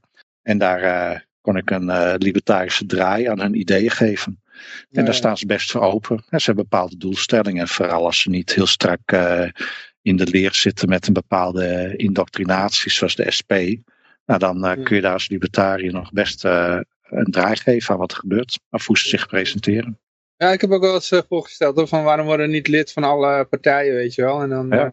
Overal bij de ALV's gewoon stem meestemmen en ja, of amendementen indienen, weet je wel. Dat, Hoeveel linkse mensen zitten niet overal in verweven om hun politiek door te drukken? Ik heb het gevoel als ik ergens zou wordt blootgesteld, of het nou media is of whatever, het gevoel dat ik altijd ook uh, enige politieke kleur daarin moet waarnemen. Dus andere mensen die laten zich daar niet in tegenhouden. En je kan trouwens ook een hele linkse interpretatie geven aan een, of je kan een, zeg maar een libertarisch standpunt kan je heel links verpakken. Hè? Dus dan, uh, ja. Als je zegt van ja, we vinden dat uh, uh, politie geen wachtgeld meer moeten hebben. dan kan je zeggen van ja, omdat het geld uit de zakken van de arbeider komt, vinden wij dat het eigenlijk niet verantwoord is dat politie nog wachtgeld moeten krijgen, weet je wel. Maar sterker ja, nog, de, het salaris van een, van een politicus moet gecrowdfund worden, weet je wel. Moet alleen maar uit donaties bestaan, zoiets, vrijwillige donaties. Ja. Ja, je gaat alweer meteen heel ver, Johan. Maar je hebt toch ja, ja, ja. ja. Maar uh, we hebben een, um, hoe dat, uh, nog een, uh, een, leuk berichtje. Dus in Argentinië, daar staat een, een, een anarcho-kapitalistische kandidaat te popelen om mee te doen. Ja, Milay. ja, hij doet het ook goed in de, in de polls. Oké. Okay. Maar ja, maar de vraag, uh, er nog niet gezegd dat hij president president uh, kan worden. Ja, misschien wordt hij wel weggefortuind. Hè? Dat. Maar ik zag hem inderdaad met een heel boord met allemaal ministeries erop, met labeltjes zo. En dan liep hij naar het ene ministerie. En deze gaat weg. En deze gaat weg. en deze kan weg. Ja, dus ja, was dat wel, het is, ik vind het meer tekenend voor zo'n land dat kennelijk zo iemand zo ver kan komen. Dat is hier eigenlijk ondenkbaar. Dus kennelijk hebben ze daar toch een beetje genoeg van alle hyperinflaties en corrupte politici enzovoort. Dat ze denken van nou, misschien moeten we toch maar afstand nemen van dat uh, idee dat we een, uh, van het wieg tot het graf verzorgd worden door de overheid. Want dat werkt geloof ik niet. Ja, ja. Welk land was het ook alweer? Argentinië. Argentinië. Ja. ja. Argentinië ken ik niet. Ik heb wel eens mensen, volgens mij was het iemand uit Mexico. En die uh, sprak ik. En ik, ja, ik weet niet, dat is natuurlijk een steekproef van eentje. Maar uh, die had het er wel over dat uh, hij zei van ja, in Nederland uh, gebeurt er tenminste nog iets. Ze hadden een hele lage pet op van overheid.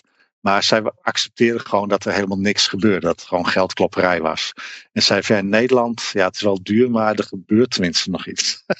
Oké. Okay. wat, wat, dat betreft is het Wat gebeurt er hier dan?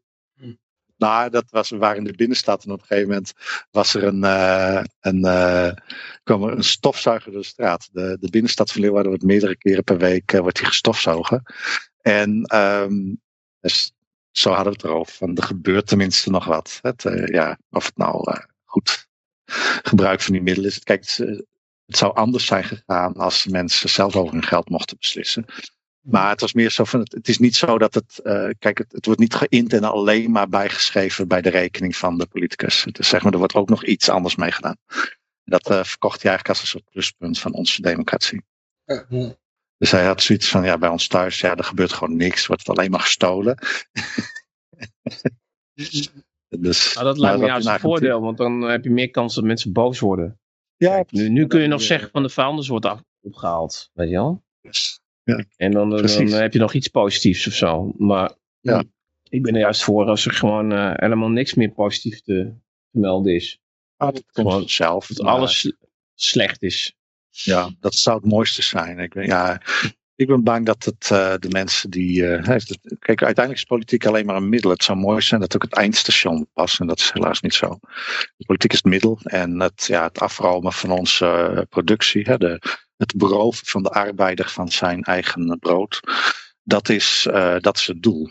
En um, ja, of je nou een links- of rechtse partij bent, je bent gewoon een werktuig om uh, de productieve mens te beroven van zijn uh, meerwaarde.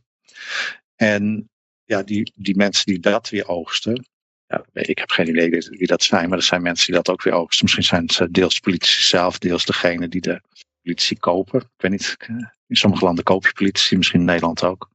Maar die, um, die mensen, ja, die, uh, dat zijn de mensen die het over Wereldoorlog 3 hebben. Dat zijn dat soort gasten. Zo van ja, nou, als het uh, dan helemaal is uitgehold en het is helemaal, dan moet het maar weer kapot. Dan kunnen we daarna weer opnieuw beginnen of zo. Dus, er zijn geen normale, het zijn niet gezinnen die thuis zitten zo van nou, ik hoop maar dat Wereldoorlog 3 snel begint. Dat is, dat is iets, dat is een middel van mensen die op dat niveau acteert. Het is niet zo dat er, denk ik dan, dat een hele groep mensen in een regio massaal denkt van nou laten we de buurlanden aanvallen. we moeten daar alles kapot maken. Nee, dat, uh, ja, dat is een situatie die wordt gecreëerd. Want uh, er wordt toch al over Wereldoorlog 3 gesproken. Dus iedereen is toch al over eens dat het eraan komt, of niet? Ja, het gaat wel die kant op, ja. ja. De politie een uh, gang laten gaan, dan vliegen de kernbommen je om de oren. Klopt, maar dat is, ja, laten we wel weten, dat, dat is niet iets waar jij of ik, wij, ja, ik niet persoonlijk, ik heb niet zoiets van, nou, laten we daar snel mee beginnen. Nee, nee ik denk niet dat het gaat gebeuren, want die, uh, die kernbommen, die, uh, daar hebben ook mensen last van, die, uh, ja. die weet je, dat is niet alleen de burger die last van heeft, dan hebben zij er ook last van. En, dus ik denk dat ze het anders gaan doen. Ja, ik denk ook niet dat er een kernoorlog komt. Mm. Kijk, mensen zijn het erover eens dat die derde wereldoorlog, dat wordt niet een kernoorlog. Nou, ik denk dat de derde wereldoorlog maar, al begonnen is eigenlijk. Tenminste, dat gevoel. Misschien wel. Zou kunnen. Wat geeft jou dat gevoel? Nou, ik denk dat die, uh, dat, die dat hele idee van oorlog van vroeger, dat dat een beetje, dat gaat niet meer. Het gaat maar, gewoon, alles gaat op een andere manier. Ja, dus net als -hmm. mensen zeggen van uh, dat, dat uh, het vergassen van 6 miljoen mensen, ja, dat gaat nooit meer gebeuren. Nee, dat gaat ook niet meer gebeuren. Dat kan, dat kan gewoon veel beter. Ja, gas is ook veel te duur tegenwoordig. Ja, maar het is allemaal...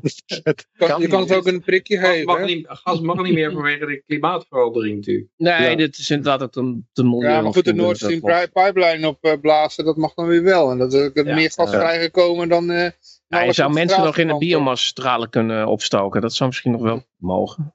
Maar, ja, dat zou ik ook te denken. Je moet zeg maar wel milieubewust uh, endloos. recyclen. ja. Ah, sowieso, uh, mensen die er niet meer zijn, dat is sowieso goed voor het milieu, want dan is minder CO2 uh, footprint. Dus dat is uh, zo. Ja, maar als de mensen, ja. mensen vergaat zeg maar in de grond, dat ja, brengt ook CO2 vrij. Hè? Ja, stikstof ook, denk ik. Groei ook weer planten op en zo. Heb je minder kale heidegebieden. Minder, Het zal allemaal begraven worden op de heide. Hè? Maar wat je nu zegt, ik, ik denk dat er echt mensen zijn die dat denken. Ik denk dat er mensen zijn die denken, oh, er moeten minder mensen zijn. Ik denk ja, dat sommige Bill, mensen Bill in... Gates, uh, Bill Gates Natuurlijk denken mensen dat wel. Als, als, over. Nee, maar als, als het maar vaak dus. genoeg verteld wordt, dan, dan is het gewoon zo voor heel veel mensen. Ik, ik ken die mensen om me heen. Als je mij heel vaak vertelt van... Uh, er is een plastic soep in de oceaan. Of je zegt dat er zijn veel te veel mensen. Dan, en, eh, Ja. Of het maakt eigenlijk helemaal niet eens uit wat je zegt.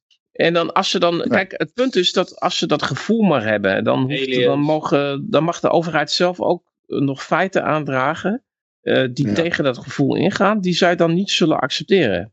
Ja. Dat is heel apart. Dat is, dat, ik heb dat laatst ook weer meegemaakt. De, de, de meest fanatieke eh, eh, mensen, mensen die het narratief van de overheid eh, propaganderen. Ja. Dat zijn vaak de, de, de, mensen die eigenlijk de, de slachtoffers van het regime. Dat zijn de, de, de fanatiekste aanhangers van dat regime. Weet je wel. Ik had, ik had laatst ook met Ja. een, eh, een gozer over. En die zei van eh, nou het is toch niet zo dat die wappies allemaal gelijk hebben met die complottheorieën. Want ik ben niet in een krokodil veranderd. Ik zei, eh, pardon? Ja, ja, Bolsonaro zei dat ik in een krokodil zou veranderen als ik een prikje zou nemen. Nou, een prikje genomen. Nou, ik ben helemaal niet in een krokodil veranderd. Ik zei, nou ja, goed, eh, gefeliciteerd, maar eh hij kunt dan wel Guillain Barré krijgen. Nee, dat is niet waar. Nou, en dat is dan grappig, want eh, ik gebruik gewoon de, de, de, de, zoekmachine van de schapen, gewoon Google. En dan is het eerste bericht wat ik tegengekomen is van LAREP dat je Guillain Barré kan krijgen. Niet alleen van de gentherapie, maar zelfs van de traditionele griepprik. En dat wordt volledig gefinancierd door het ministerie van Volksgezondheid, Welzijn en Sport. Dus dat komt gewoon van de overheid af, die informatie. Maar ja, dat past niet bij het gevoel van eh, het is veilig en effectief. En dan wijzen ze dat heel makkelijk ook af. Hmm. En ze zijn dus eigenlijk nog fanatieker dan die overheid zelf, weet je wel. En, en dat, dat, dat krokodilverhaal, ja, dat is natuurlijk ook gewoon net... Ja, Ja. bij mij gaan gelijk de al- alarmbellen allemaal af. Want dat klinkt een beetje als eh, Trump eh, roept op eh, om chloor in te nemen. Nou, dat blijkt dan hydroxychloroquine te zijn. Maar goed, dat, dat, eh, dat krokodilverhaal. Ik dacht van, nou, ik, ik had er nog nooit van gehoord. Ik dacht van, nou, ik heb toch een hoop, eh, hè. Ik heb toch vaak heb ik het zout gegeten. Maar Helemaal geïntegreerd in de wappie-cultuur, maar dit is mij nog nooit eh, voorgeschoten. Nee, dit is, dit, dit, dit, dit is zo zout had ik nooit gegeten. En, en toen heb ik het even opgezocht van ehm, wat, jou, Bolsonaro, wat Bolsonaro echt gezegd heeft. Want dat, dat, dat citaat moest ik even wel zoeken, want dat, dat geven ze er dan natuurlijk niet bij. Want, Nee, heel verhaal zonder het citaat. nee, want, want anders dan... eh, Dan valt eh, het in de- door de mand. Nou, het citaat was dan eh, van eh, ja, het eh, Pfizer-contract was heel duidelijk. Eh, eh, Pfizer gaat niet uitkeren als, als je last hebt van eh, neveneffecten. Al verander je in een krokodil, eh, ze komen niet over de brug. Nou, dat had hij dus gezegd. Ja. En eh daar werd van gemaakt, eh, Bolsonaro gelooft dat je in een krokodil verandert. Ja, Nou, en Ja. dat, en dat is wat ze dan onthouden. En, maar dat is, dat, het leuke daaraan is van dat die. Ehm, daar, daar- ze geven daarmee eh, de onderdaan een stok om mee te slaan. Ja. Want ik hoor dus bij die club die denkt dat je in een krokodil verandert. Snap je? Nou, bij die gekken wil je toch niet horen? Hè? Kan je beter Hugo de Jonge hebben, of niet dan? Ja, het is een ex je geeft de onderdaan een excuus om eh, geweld te gebruiken. Daar is een, een mooie, mooie quote over. Van, eh, Ja, maar ook jezelf vrij te pleiten. Hè, want wat als, Ja, mensen je mag- zeggen- als mensen dan zeggen van nou, eh, ik denk dat je niet zo slim bent geweest met, met die experimentele gentherapie. Nou, en dan zegt hij gewoon, ja, jij hoort bij die club die eh, gelooft dat je in een krokodil verandert. Nou, wie is er nou gek, weet je wel? Dus, dus je, die andere partij is Ja. altijd nog gekker. Eh, ook al is het een complottheorie die, die bij, bij de overheid zelf vandaan komt, of bij de vriendjes van. Ja. Dat maakt niet uit. Want ze checken toch niks, dus het maakt niet uit. En dat hebben, hebben ze ook helemaal geen behoefte aan om te checken, want ze willen graag die stok hebben om te slaan. Want da- daar krijgen zij zelf een lekker gevoel bij. dus, Want Anders eh, dan kun je kut voelen. Namelijk van, oh fuck, ik heb me laten piepelen. Weet je wel? Er is een quote van Aldous Huxley die is hierop van toepassing. The surest way to work up a crusade in favor of some good cause is to promise people they will have a chance of mal- maltreating someone. To be able to destroy with good conscience, uh, shit, uh, to be able to behave badly and call your bad behavior righteous indignation. This is the height of psychological luxury, the most delicious of all moral treats.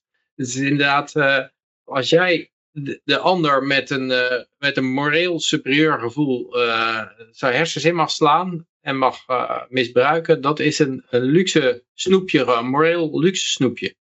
En de top zit het, luxe snoepjes. Ik denk dat, dat, dat je dat merkt aan mensen inderdaad, dat ze, dat ze bijna opgelucht zijn van, oh, er is een groep die we de grond in mogen rammen met, eh, met, eh, ja, met goedkeuring van de autoriteiten dan kan ik eindelijk mijn latente agressie kwijt, waar, eh, waar die, die Belg het over heeft, de smet. En ik denk dat dat, dat dat de overeenkomst is ook met Hitler of met wat er nou in, in Stalin of met de Mao gebeurd is. Dat uh, er zit latente agressie in mensen en de overheid zegt al van, nou die groep, die wappies, die mag je wappie rammen. En, uh, en dan doe je nog goed ook, dan ben je de wereld beter aan het maken. En dan kan eindelijk al die latente agressie kan eruit komen om erop los te rammen met een goed gevoel. En ik krijg een medaille voor aan het eind ook. Ja, maar het geeft ook een triomfantelijk gevoel. Kijk, als jij zegt tegen iemand van nou, uh, jongen, we zijn al twee jaar verder. Je had in alles ongelijk, wij hadden in alles gelijk. Uh, ik zit hier klaar om jouw excuus aan te varen, om het aan te horen, weet je wel? En dan, maar dan heeft hij nog een wapen van, ja maar ho ho, ik heb hier nog een complottheorie. ja. En die is niet uitgekomen. Hè? Mm. En dat, dat geeft een heel lekker gevoel. Weet je wel? Van, uh, ja, Ja. al die tegenargumenten die je krijgt te horen, die zijn aangereikt inderdaad. Het is, ehm, het is allemaal, je weet eigenlijk vaak, behalve dan die krokodil, dus nou ja, uitzonderlijk, maar je weet heel vaak al wat er gaat komen. En meestal is het een strawman, eh, inderdaad. Dan eh, word je aangevallen op iets dat je niet gezegd hebt. Maar op basis dat jij uitmaakt, deel uitmaakt van het groep wappies die zogenaamd die mening zou, op na zou houden. ja, goed. En, eh, ik, ik, nou, ik weet je, na een kwartier eh, was ik ook uitgeluisterd. Maar ik, ik, ja, ik vond het ook wel superleuk met inderdaad Bill Gates. eh, het, het kan nooit waar zijn dat Bill Gates eh, iets verdiend heeft met eh, die prikjes. Want eh, hij heeft al geld. En, en daarmee was het voor hem bewezen. Dat Bill Hij Gates, staat zelf op video dat hij er een enorm rendement aan haalde. Ja, 3000 procent, hè? Ja. Op zijn Davos... Good, eh, Good Morning America, geloof ik. eh, Nee, ja. volgens mij was het een Davos meeting werd hij Ja, geïnterviewd. Maar dat is op zich. eh, Hij heeft ook bij zo'n ochtend... zichzelf. eh, het is op zich eh, rond genoeg voor zichzelf. Hè? Je kan gewoon ehm, eh, doorhebben dat je ergens beter van kunt worden. Je kunt bij spreken eh, aan de ene kant denken van nou, suiker is slecht voor mensen. Maar je kunt ook een aandeel Coca-Cola hebben omdat je daar eh, goed rendement op kunt halen. Ja, Het, het een sluit het ander niet uit. Dus eh, dat hij beter wordt. eh, kijk, als hij, hij is misschien beter geïnformeerd. Als, wij kunnen ook zeggen van nou, zeg voordat wij vrij zeker weten dat er weer een hele prikronde doorheen komt. Ja, dan kun je toch echt wel beleggen in die bedrijven. ja, je- Want waarom zou je er zelf slechter van worden? Als jij weet dat, dat, nou, dat het weer raak is en dat er weer eh even allemaal maar het miljarden gaat die niet naar andere delen dat, van de eh, economie gaan, daar wel naartoe gaan. Nee, maar het gaat erom dat in de mainstream media er wordt, wordt eh, Bill Gates eigenlijk alleen maar weldoener Bill Gates genoemd of filantroop Bill Gates. En dan krijg je weer een beetje Ja. waar, waar Peter het vaak over heeft van eh, Michael Jackson, de king of pop. Hè, dat moest altijd gezegd Ja. worden. Mhm. En, en het gaat, die, die mensen die dus alleen maar ehm, mainstream, die alleen maar nu.nl en alleen maar gewoon eh, MSM nieuws, die, die, die krijgen zo vaak weldoener Bill Gates, weldoener, en, dat, en dat, dat, dat gaat op een gegeven moment in dat hoofd zitten. Kijk, bij ons niet, Ja, wij zijn niet zo gevoelig voor die propaganda. Dus, dus die, die, dat, eh, bij hun staat het al vast dat eh, hij, hij doet het alleen maar eh, hij geeft alles weg. Het is alleen maar, het is alleen maar eh, goede doelwerk eigenlijk, die vaccins. Ja. En, eh, ja, en dat soort mensen gaan niet uitzoeken van, van of dat echt dan waar is. Want dat, dat is ook het mooie. Van, ehm, hoe vaak ik in zo'n discussie niet krijg als ik een feit opnoem. Waar, waarvan, waarvan ik echt de achtergrond weet. Dan, oh dat is niet waar. Want het past er niet bij het gevoel. Maar eh, zelf zoeken ze nooit iets uit. Ze beweren van alles. Maar ze voelen zich zo ontzettend ehm, zeker doordat de- zij hebben de goede bronnen. Zij hebben het NOS-journaal, zij hebben Metro Nieuws, zij hebben de Volkskrant, het Mhm. NRC Handelsblad en al die andere mediahuisdingen. Dat, dat hoef jij niet, jij hoeft dat niet uit te zoeken. Jouw eh, informatie is sowieso goed. En al die andere informatie die, die, die tegenstrijdig is aan jouw gevoel, nou, dan ga je gewoon ten eerste schreeuwen dat het niet waar is. En dan, eh, nou, dat, dat, dat hou je ook vol ook trouwens dan. Dat maakt ook Ja. niet uit wat, wat, voor, wat je ze dan uiteindelijk voor een snuffert hangt. Dat doet er ook niet toe. Dan, eh, dus de cijfers zijn niet Nee, goed maar- of de bron is niet goed. Of, Ja, maar de eh, knappe ik, is dat eh, zij hebben een verhaal over de, hun tegenstander in hun hoofd zitten al, hoe die in elkaar zit. Dat is helemaal fictief en dan helemaal aangepraat. Van, je, je, en dat weet ik al toen ik vroeg- vroeger naar de kerk ging met mijn ouders. Toen, eh, toen zeiden ze ook van, nou ja, als je dan de... Er was natuurlijk heel veel verloop.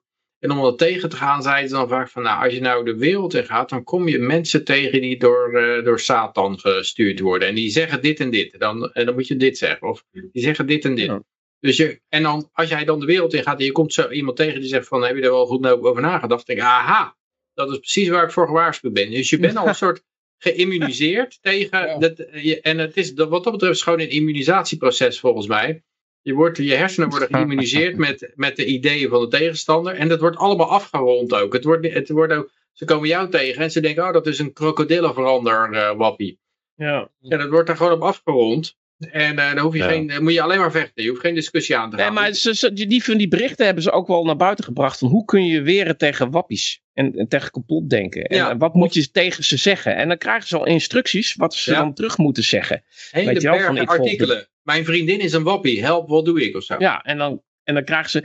Maar, maar het is, je moet het zo zien, deze mensen hebben helemaal geen integriteit om... ehm, zij willen gewoon het narratief verdedigen. En, en dus ze willen niet... Ze willen dan geen ook niet interesse in wat waar uitgetrokken is. worden. Ja, dat maakt niet uit wat jij zegt. Ze willen ook niet, want ze- anders trek je ze ook in een soort nachtmerrie. Of ze, ze hebben er gewoon geen zin in. Ze, en het is een beetje, kijk, als je een Jehovah-getuige hebt en die gaat weg. En die belt aan en die wil iemand eh, bekeren. Die gaat niet weg met van, nou, laten we eens wat gedachten uitwisselen. En misschien leer ik ook wat. Nee, als hij denkt dit wordt niks, dan belt hij bij de volgende aan. En dan bij de volgende. En, en dat is precies de mentaliteit die die lui hebben. Die, die, die, die zitten niet in een gesprek van... Nou, eh, eens even kijken wat die ander heeft te zeggen. Dan, eh, dat is helemaal Nou hun, hun, hun, hun, hun houding helemaal niet. Gewoon. Maar waarom denk je dat dat uitmaakt? Ik denk dat het heel erg veel uitmaakt, omdat die 200 psychopaten in de regering, als die zeggen van Ja. jullie moeten in lockdown, en 17,3 miljoen mensen staan met de mingelvinger omhoog, dan is er helemaal geen lockdown. Dan is er geen avondklok en helemaal niks. De enige reden dat er, dat er zoiets bestaat, is dat je die Ja. meelopers hebt. Zonder die meelopers Ja, ja. eh, zou het niet kunnen. Je, je kunt niet met 200 man eh 17,3 miljoen mensen compleet terroriseren. Dat lukt niet. Je moet, je hebt Ja, die mensen, je hebt die meelopers nodig. En eigenlijk Ja, zijn wij daarmee in oorlog met die Maar meelopers. dat komt omdat jij persoonlijk, jij vond het ook heel vervelend, die lockdown. Het heeft jou heel erg dwars gezeten, het heeft jouw inkomen gekost. Dus jij hebt die ene uitkomst die daaruit kwam, die was jou onwelvallig. En daarom raakt het jou extra. Nou, ik ben er ook principieel op tegen, tegen lockdown. Nee, dat, dat is prima.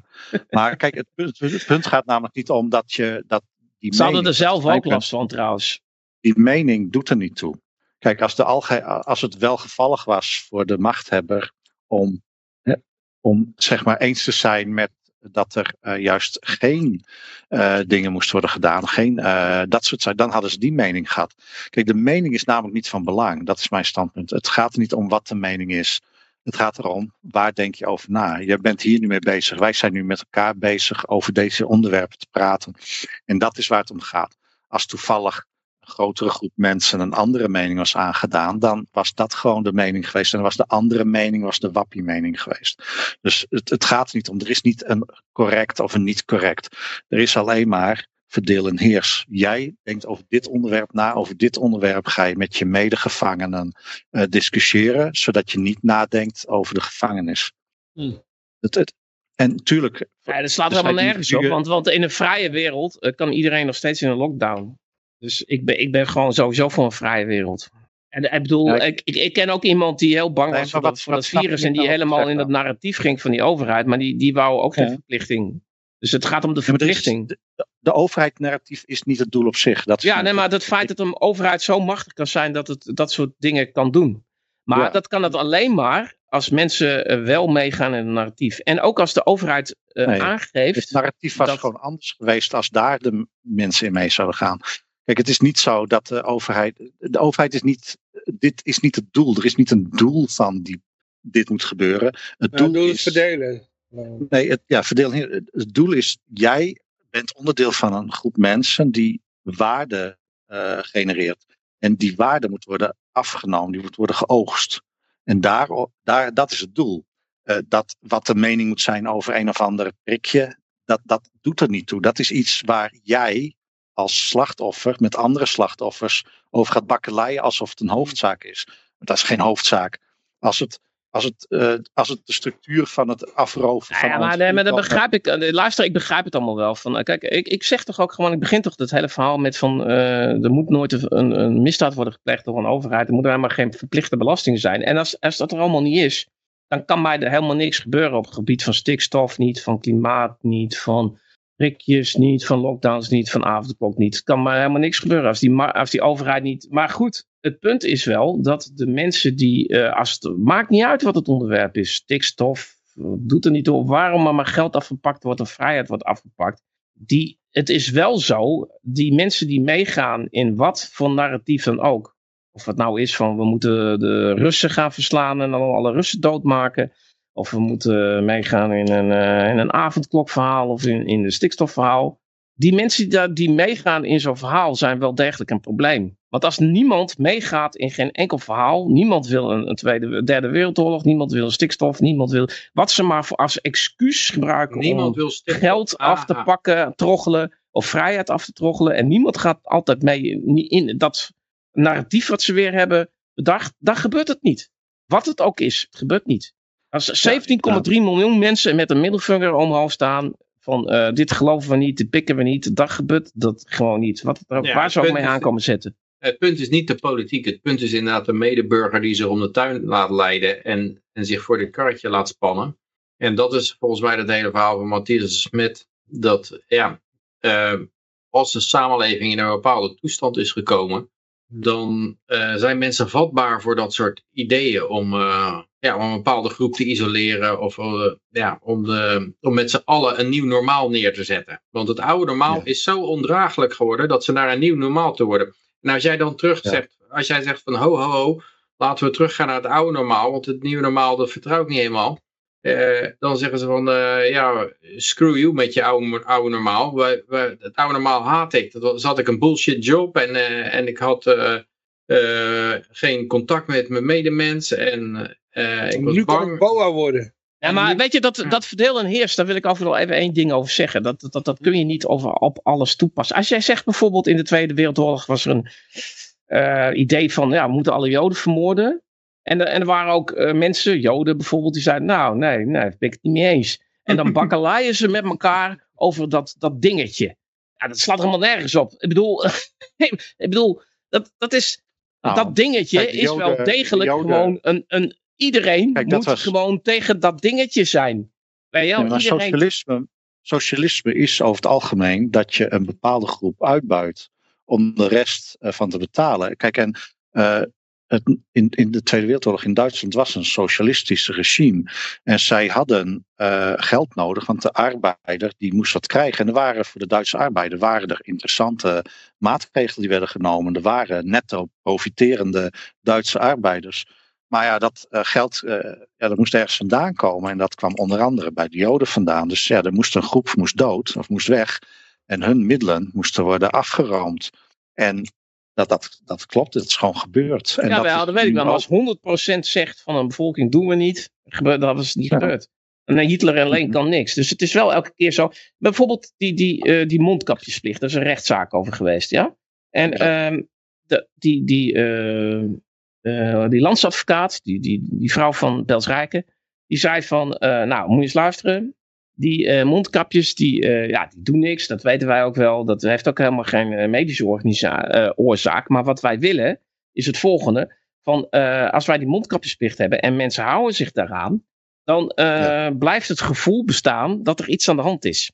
Ja, ja. Waarom, en waarom is het belangrijk dat mensen het gevoel hebben dat er iets aan de hand is? Omdat daarna al die andere maatregelen dus worden daarop genomen van ja, we moeten wel wat doen, want er is wel echt iets aan de hand. Dus dan komt die, die komen die lockdowns en dan komen die avondklok. En natuurlijk heeft iedereen daar wel last van, want als jij het bedrijfsleven kapot maakt, dan komt het uiteindelijk gewoon wel op het bordje bij iedereen terecht natuurlijk. Hè? Ik bedoel, eh, dat, als je een heel land kapot maakt, heeft iedereen daar last van uiteindelijk. Kinderen kunnen niet naar school. Dat is ook heel vervelend voor heel veel mensen. Dus eigenlijk gewoon ook de, de verdedigers van die lockdowns hebben ook wel last gehad van die fucking lockdowns natuurlijk. Maar het punt is natuurlijk, als de staat zoiets aangeeft, dan is het natuurlijk aan ons allemaal de taak om dus niet naar de praxis te gaan om een mondkapje te kopen, niet in de auto te leggen, niet op je snuffer te zetten. Want ze hebben het gewoon, ze maken het gewoon duidelijk aan ons in die rechtszaak, die gewoon gestreamd is van wij willen dat, dat jullie allemaal denken dat er iets aan de hand is. En onze strategie is dat we eh, met een mondkapjesplicht dat iedereen dat ding op zijn snuffert zet. Nou, dat betekent dus gewoon dat iedereen de verantwoording heeft om dat kutding niet op je kop te zetten natuurlijk. Ja. Ja, simpel is het. Dus je, je moet niet meegaan in een narratief. En, eh, en, en eh, ja, verdelen is. eh kom Nee, op. eh, mensen het zo zijn wel degelijk verantwoordelijk voor dat eh, het niet navolgen is en niet gebeurd. Naleven van regels voor het natief. Ja, wat dan gebeurt is, jij, wat jij zegt gebeurt. De, de maatschappij zit zo in elkaar dat iedereen zegt we doen daar niet aan mee. Dan is dat het narratief. Die narratief is namelijk niet het doel, maar het middel. En omdat het een middel is, maakt het niet uit wat je doet. Maakt niet uit dat. Je, je moet tegen elk Nee, narratief ingaan. Van, hebt van daar- alles wat ze maar proberen, moet je gewoon tegen Ja. ingaan. En dat is Nou. de kracht van verdeel en heers. Iedereen heeft één dingetje uiteindelijk. Ze weten voor iedereen iets te vinden, waardoor ze zich laten verdelen en heersen. Jij op dit, ander Eh, op anders. Er is Het- helemaal, het- de verdeel en heers. Verdeel en heers heb je sowieso omdat er mensen bestaan Ja. die het idee goed vinden dat er, dat er een overheid is die misdaden mag plegen. Dus die verdeel en heers hebben Ja. sowieso. Tenzij alle mensen die, die er tegen zijn zich neerleggen bij een slavernij en zeggen nou ik ga er ook geen ruzie over meer over maken. Dan hebben we geen verdeel en heers meer. Tuurlijk is er een, zijn er twee groepen. Eén Ja, groep die, maar dat- die, die, Die eh, hele, de hele aanpak met die mondkapjes, met de inject, alles. Misschien, hè, misschien kijk, kijk, soms zijn er ook samenlopende dingen. Hè. De, voor de ene groep belanghebbenden is het ene doel oké. en voor de andere groep belanghebbenden. Kijk, je hebt, de, je hebt wel een soort synergie die niet van bovenaf gepland. Niet een soort planmatige synergie. Dat, is gewoon synergie tussen dat soort doeleinden. eh, die eh, gewoon compleet natuurlijk kan ontstaan. En gewoon ook mensen die gewoon kapitaliseren. In zekere zin is het ook kapitalisme. Als je gewoon goed met eh, de overheid zijn eh, voorspelt en daarop inspeelt. Maar het, het, is, het is niet het doel. Die mondkapjes, die, al die dingen, het, zijn, het is niet het uiteindelijke doel. Het is gewoon een middel. Het is gewoon een middel. Wij worden ermee bezig gehouden. Het is niet een doel op zich. Nee, Wat jij natuurlijk ervan niet. vindt, Nee, maar Niemand. ja, dat, dat, maakt, toch- dat is toch wel duidelijk. ja. De- ja. Eh, het is een manier, een manier om controle te krijgen. Ja. Daar- de controle is het doel. Maar het punt is een Mhm. beetje dat eh, als eenmaal de samenleving in zo'n staat zit dat het gevoelig daarvoor is, dan kan het van alles zijn wat eh, elke groep kan de, de, de sjaak zijn. En, en het, het verhaal is, is eh, ja, arbitrair, denk ik. ik. Ik weet nog wel dat bij, bij 9-11 daarna dacht ik van nou, die moslims die kunnen wel eens de sjaak worden allemaal. Dat is nou helemaal verdwenen.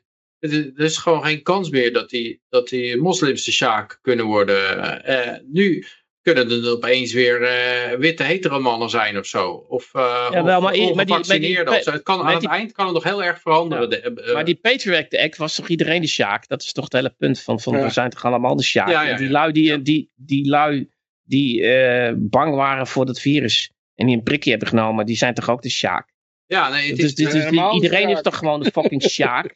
ja, dat is wel zo. Maar, en- maar en- als je kijkt naar wat er in Duitsland gebeurde, dan kan je, kan je zeggen, ja, iedereen was de Sjaak uiteindelijk. Ook de gewone Duitser kreeg een bom op zijn hoofd. eh, Ja. en die, eh, maar Ja. maar ja, je kan zeggen dat de, dat de Joden nog het meeste de Sjaak waren. Of het eerste Sjaak waren of zo. Of, eh, Ja, het eerst misschien, maar... Maar het punt is, dat, kijk, eh dat is een prachtig verhaal van Klaas, maar je hebt toch gewoon, eh, wat, wat, wat wil je dan doen? Dat, nou, ga maar een mondkapje doen, ga, ga maar meewerken aan die corruptie, Ga maar propaganda uitslaan. Ga maar eh, pleiten voor een lockdown. Ga maar schreeuwen om een avondklok. Moet je dat dan doen? Is dat, helpt dat dan? Ga maar een prikje Nou nemen. ja, Helpt dat? ik, ik, ik, ik denk als jij. Jij mag gewoon doen wat je wil. Als jij je daarover wil opwinden en ergens elke keer weer boos over wil worden. Ja, dan eh, sta je er vrij in om dat te doen. Ik denk dat het, eh, dat het zinloos is. Kijk, het, eh, ik denk ook dat het heel weinig zin heeft om er met andere mensen over te praten. Wat ma- maakt het uit wat iemand anders over dat prikje denkt? Je gaat toch niet. Dan ga je met een volwassen persoon die al decennia lang op dat pad in zijn leven staat. Ga je denken in één gesprekje eh, Ja, die wereld dat is wel aan grappig. Nee, die. Matthias de Smet die denkt dat er totaal anders over. Heb je dat gelezen? Of, die, of die, jo, Peter wel, toch? Die zegt, die zegt juist van. ehm, doordat mensen zich uitspreken en door er eh, gewoon eh, wel eh, tegenin te gaan en, en zich blijven te laten zien en blijven Ja. daardoor gaat die laatste stap, die, die komt dan niet. Hij zegt van die, zegt laatste het- stap, tot de totale ja. vernietiging, die, die gulags, die, die concentratiekampen, dat vergassen, dat gebeurt als op een gegeven moment iedereen zijn bek dicht houdt. Dat is wat hij zegt. Maar ja, goed, Ja. eh, Daar ben jij het dat- dus niet mee eens, Vraag ik, dus- Daar vraag ik me wel van af. Van, ehm, ja, zit daar een oorzaak-gevolgverband tussen? Want ik kan me voorstellen dat als dat gewoon escaleert, escaleert, escaleert. Dat eh, je weet dat het hoe dan ook daar naartoe gaat. en Dat je op een gegeven moment je bek houdt. Maar dan wil niet zeggen dat het, het je bek houden. Dat dat de oorzaak ervan was dat het verder escaleerde. Het, misschien was het toch al doorgeëscaleerd. Misschien, misschien vertraagde het iets of zo hoor. Ja, dat ik- kan. Maar dan denk ik misschien, dan had het misschien in een, in, in een eerder stadium dat het nog kon. Kijk, op een gegeven Ja, moment kan het ook niet meer. Ja. Dan, dan kun je alleen maar vluchten. Kun je alleen maar, eh, dan is het dan Nou, te laat. Maar dan, dan, die, moet je, eh, dan had het in de jaren. 30 al moeten gebeuren. Eh, het kan ook zijn dat ze helemaal Ik- niet van ik wil plan zijn. geen, Hoor, maar eh, dat, eh, oh, ja. Ik, ik wil geen Wereldoorlog 3, bijvoorbeeld.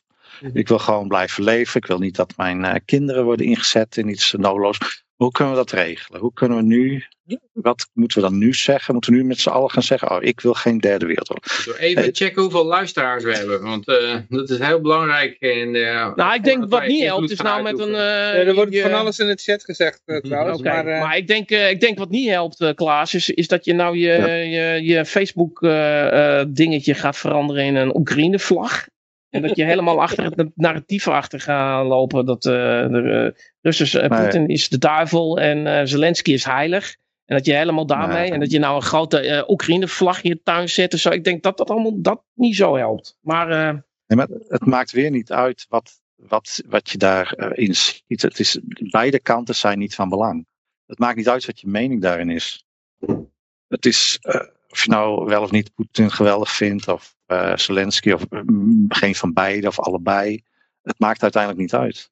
Maar goed, wat, wat maakt wel uit? Niks Nou maakt ja, uit.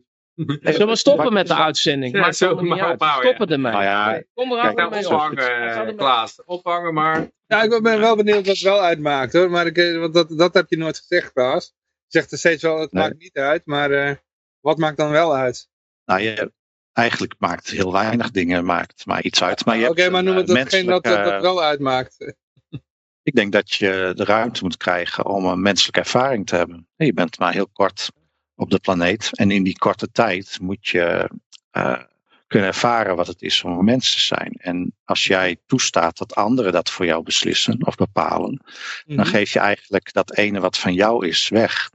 Nee, we- je, je kan het in een meer eh, simplistische zin kan je dat tijd noemen. Je tijd, eh, je energie wordt afgenomen door belasting.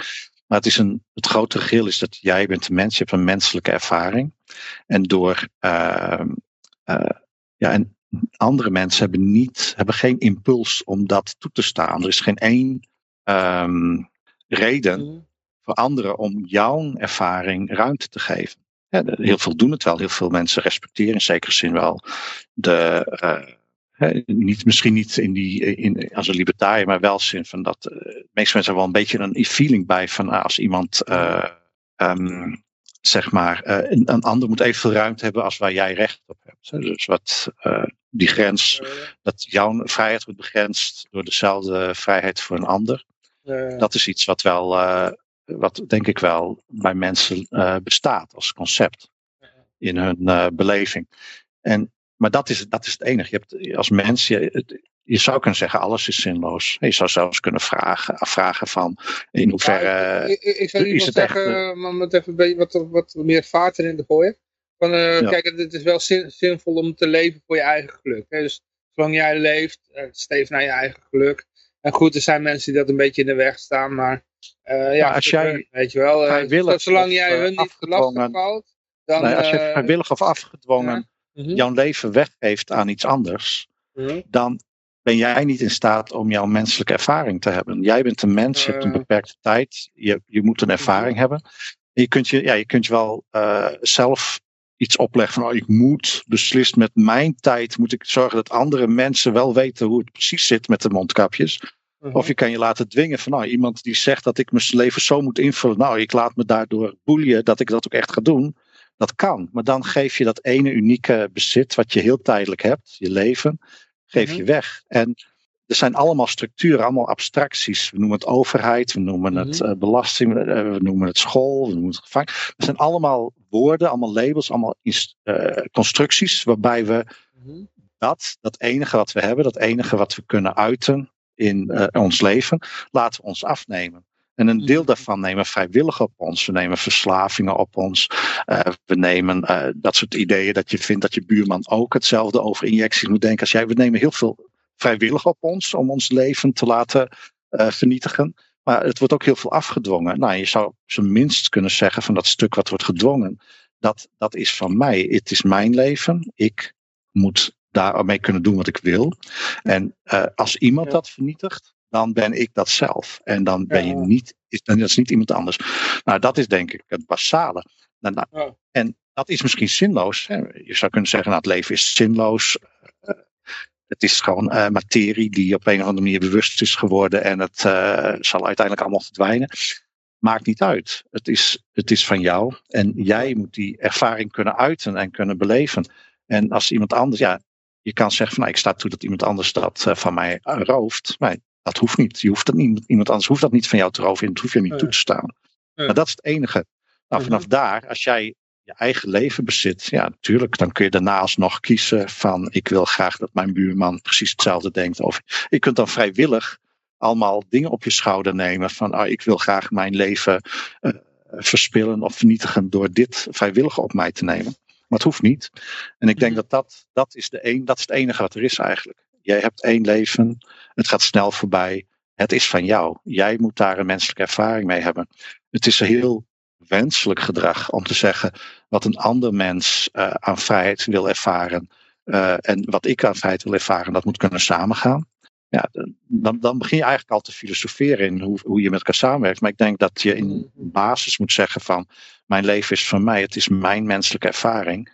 En er is geen enkele reden om een ander dat te laten vernietigen. Want Ja. er- niemand anders heeft, er is geen impuls voor de ander om dat te doen op zo'n manier dat het waardevoller is dan dat je het zelf doet. Die impuls bestaat niet. Er is geen enk, de, de enige manier waarop iemand anders het zou kunnen doen, is door zijn eigen leven te vernietigen. Zijn eigen beetje bezit wat hij heeft, vernietigen. Zodat hij het voor jou doet zoals jij het wil hebben. Nou, en dat is onzin, want dan is het voor die andere persoon fout. Dus je kunt het alleen maar zelf doen. Nou, en dat is vervelend. Dat betekent dat je het zelf moet doen. Nou, en het idee dat iemand anders het voor je doet, nou, daar laten heel veel mensen zich door foppen. Maar als je daar vrijwillig door laat foppen, dat is prima. Maar mij Eh, dwingen. geloven om mij je, Ik Ik, wil eh, slapen. Ik helemaal. Volgens mij zijn we luisteraars aan het verliezen. Maar... Eh, Sorry, we zijn, helemaal met je eens. Eh, we- Sorry, twee luisteraars. Sorry, twee luisteraars. Ja, het waren Nee, maar- er ietsje meer, hè, maar eh, Ah, zijn er het, nog heeft- meer dan... het, het- het is zelfs toegenomen. Maar, ehm, nee, maar goed, ja, we, we hebben nog veel meer. En eh, dit is, eh, hier kan je ook nog helemaal op losgaan, Klaas. Eh, wantrouwen onder de jongeren in de overheid eh, groeit. Eh, zien eh, jeugdwerkers.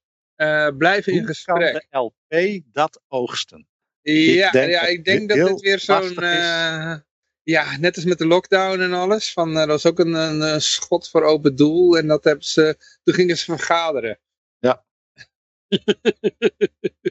maar het is wel, het is wel, er zit wel iets van ommekeer in sentimenten, heb ik het idee. Dat, eh, dat mensen de overheid niet meer zo vertrouwen. En, eh, of jongeren. En, Ja. eh, ik, ik verwacht ook in, in Amerika zie je dat ook een beetje, dat dat hele neocon verhaal. Eigenlijk kreeg je, had je een neocon moment waarin alle republikeinen eh, ten strijde trokken tegen de evil bastards in de verre landen. En, eh, en nou hoor je laatst bij het de- republikeinse debat, hoor je nog zo'n neocon eh, oorlogskreet van eh, die Nikki Haley zei bijvoorbeeld. Ja, ook hier. Ukraine is de front line of the defense. De, de eerste linie van verdediging van Amerika. En vlak Oh, daarna zegt ze. Israël is de front line of defense. En nee, dat was wel allemaal gejuich. Want, want die, die zaal die wordt door donors eh, bevolkt. Eh, van de, de partijen donoren. Dat zijn toch allemaal eh m- eh, MIC-donoren. Hm. Maar eh, je merkt gewoon, ze zakt in de, in de, in de pols. eh, dat het, dat het, niet, het niet meer aanslaat. Ik denk dat het te lang, er zijn te veel oorlogen gemislukt. En eh, eh. ik denk dat eh, de tijd is gekomen voor die lui om gezichtsverlies te lijden. En, En je ziet dat eh, eh, Vi- Vivek, Ramas, eh, Vivek Ja. eh, Ramaswamy, die, die gaat Ja. dan een komeet omhoog, weet je wel. Die ja, heeft echt zo'n anti-oorlogsstandpunt. Gaan we trouwens nog aan het einde van de, van de show over hebben. Maar eh, ja, dus ik, denk, ik denk ook Ja. dat, ja, het is de hoop dat het niet te veel uitmondt in, in eh, zeg maar, het, het wat dan populisme genoemd wordt, maar wat eh, dat het doorslaat naar de andere kant. Eh, hier Ja. van, we hebben zo'n hekel aan die, die linkse figuren dat we, dat we weer voor een ander soort autoritaire overheid kiezen. Maar hoe dan ook een autoritaire overheid. Maar er is in ieder geval wel een, een, volgens mij een momentum begint er te komen weg van die eh, huidige club eh, dominanten. ja. Ik denk dat dat hier een beetje een. eh, ja, mensen. wat, wat je natuurlijk altijd meekrijgt als jongeren, als een overheid enorm groeit en overal zijn tentakels uitslaat, dat iedereen ziet dat het niet werkt in zijn vakgebied. Ik laatst iemand die zit bij een energiebedrijf en die zijn helemaal van de groen, windmolen, zonne-energie, bla bla bla. En dan zit hij met iemand bij de lunch te praten en die zegt, nou, global warming, ik geloof daar helemaal niks van eigenlijk. En dat is, dat is het eerste, maar ja, het is een manier om subsidies binnen te slepen. Dus ja, als wij niet doen, doen anderen het wel. Maar dan merk je dus dat zo'n gebied, om maar een voorbeeld te noemen, daar, eh, daar werken, de overheid komt in hun domein en ze merken dat het gewoon slecht werkt. En dan zie je dat het vertrouwen afneemt. En omdat de overheid overal de takels uitslaat, zie je dat overal het wantrouwen en het ongeloof dat ze iets kunnen, voor elkaar kunnen boksen, eh, eh, wantrouwen toeneemt en het vertrouwen afneemt. Ja, ja. Dus ja, het is hoopvol. Hoopvol berichtje. ja jeugd is Ja, de toekomst. Dat zei ik eerder al. Van hoe, hoe zorgt de LP ervoor dat ze dat kunnen oogsten? Want dat, eh, op een gegeven moment wordt dat gewoon de nieuwe vijver om in te vissen. En dan, gaan, eh, dan, dat zei ik dan gaat de VVD de V van Vrijheid weer afpoetsen. Gaat de PvdA zeggen dat ze de Partij voor de Individuele Vrijheid zijn. Dus het Ja, prima maar dat ik denk dat onderdanen- dat mensen onderdanen ook door, door dat soort dingen heen moeten prikken. En hij staat hier, ook hij spreekt veel jeugd die geen vertrouwen heeft in de overheid. Dat was voor corona ook al zo, maar daardoor is het wel groter en zichtbaarder geworden, vertelt hij. Deze jongeren vertrouwen niemand meer en doen liever eigen onderzoek. Of hun bronnen nou goed zijn of niet. Maar niet alles wat de jongeren online tegenkomen is netnieuws, want er is natuurlijk ook veel fout gegaan. Dus ik denk dat wat mensen mensen moeten vooral de weerbaarheid krijgen om door die gehypte narratieven heen te prikken. En als ze dat kunnen, dan zijn ze niet makkelijk op te pikken door zo'n eh, zo'n georganiseerde marketingclub. Ja. Bijvoorbeeld, Ja. en hij, wordt, hij, hij, zegt, hij zit helemaal uh, geloofd in Andrew Tate uh, uh, over de, mater, Matrix. En nou, die vent die wordt helemaal afgebrand in alle media, die Andrew Tate. En kennelijk heeft het gewoon geen, geen effect meer. Dus ik denk dat hun bijl bot is geworden die mediabijl. en ja, dat is zo ook vol iets. Een belangrijk onderdeel van de ommekeer. Ja, het is ook, nou ja, nu is er ook echt overlap. De media die uh, dat rapporteert en de platformen waar hij wordt uh, geconsumeerd. Ik, ik, ik, wist tot voor kort niet eens wie Andrew Tate was. Het gaat niet specifiek om Andrew Tate. Het gaat mij nee, meer om dat, dat, dat iemand... Zwart, ja, dat, dat zeggen dat het zwart gemaakt wordt in de media. Maar ik mag gaan checken en ik denk, hé, hey, er zijn helemaal geen gekke dingen, weet je wel. Ja, weet je, hetzelfde als, als de milieubeweging weer adverteert van, oh vreselijk, er is weer een kiloknaller bij de Jumbo. Dat, ja, dat dan blijkt dat, dat iedereen naar de Jumbo gaat, oh, oh de kip is een aanbieding. Uh, en ik denk dat, dat, het, dat ze steeds meer dat soort effecten gaan tegenkomen. En het kan zijn dat zij zich ook aanpassen daaraan, hoor. Dat zij, dat zij ook gaan... Uh, zij, ik denk dat BBB bijvoorbeeld, dat dat al een omzicht, dat dat al een beetje een aanpassing is. Dat niemand ja. gelooft meer iets, uh, uh, tenzij het een rebels is of, of aangevallen wordt door de overheid. Dus ik denk dat ze, Ja. dat ze hun eigen controlled opposition gaan aanvallen om het geloofwaardigheid te geven. Uh, dus ze zullen zich ook wel aanpassen daaraan. Maar uh, ja, het, het, is te hopen dat, uh, dat de onderdaan daar ook weer doorheen weet te prikken. Ja. Een wapenwetloop. Ja. Ja, het is, in feite is het een, is het een soort uh, psychologische wapenwetloop, ja. ja. Maar uh, Dominique die mag geen gratis uh, voedselpakketten meer uh, uitdelen. mag alleen mijn kleine hoeveelheid uit eigen tuin uitdelen, kennelijk. Ja, ja dit is ongelooflijk dat je... De overheid wordt altijd voorgesteld als... ja, zonder overheid zouden de armen aan hun lot overgelaten zijn. En, en ja. in de praktijk dit, dit, dit, is ook weer zo rechtstreeks overgenomen uit Amerika, waar je ook geen, uh, de, de armen geen voedsel mag geven. Die worden gewoon voor gearresteerd. En uh, nou hier dus ook, uh, hij mag geen voedselpakketten uitdelen, want ja, dat is weer, weer illegaal. Straks stel je voor dat Ahold een paar cent verlies heeft. Het is het federaal voedselagentschap die dat wil stoppen. Ik denk in België, ja, een soort... nou is België, ja. Delhaize zal het zijn of zoiets. Hoe heet het nou? Delhaize?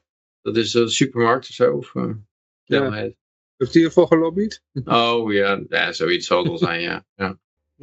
Ja, en het is nog redelijk gezond voedsel ook. Dus die kratten staan, asperges en appels en zo. Maar, maar je moet natuurlijk die, die, die, mar, uh, die Raiders en die Twix eten uit de supermarkt. Alles wat in, in een wrapper uh, gevuld is. Mm -hmm.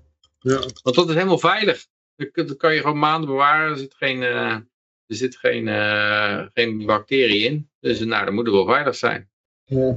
Ja, dat betekent dat eh, bacteriën het niet lusten.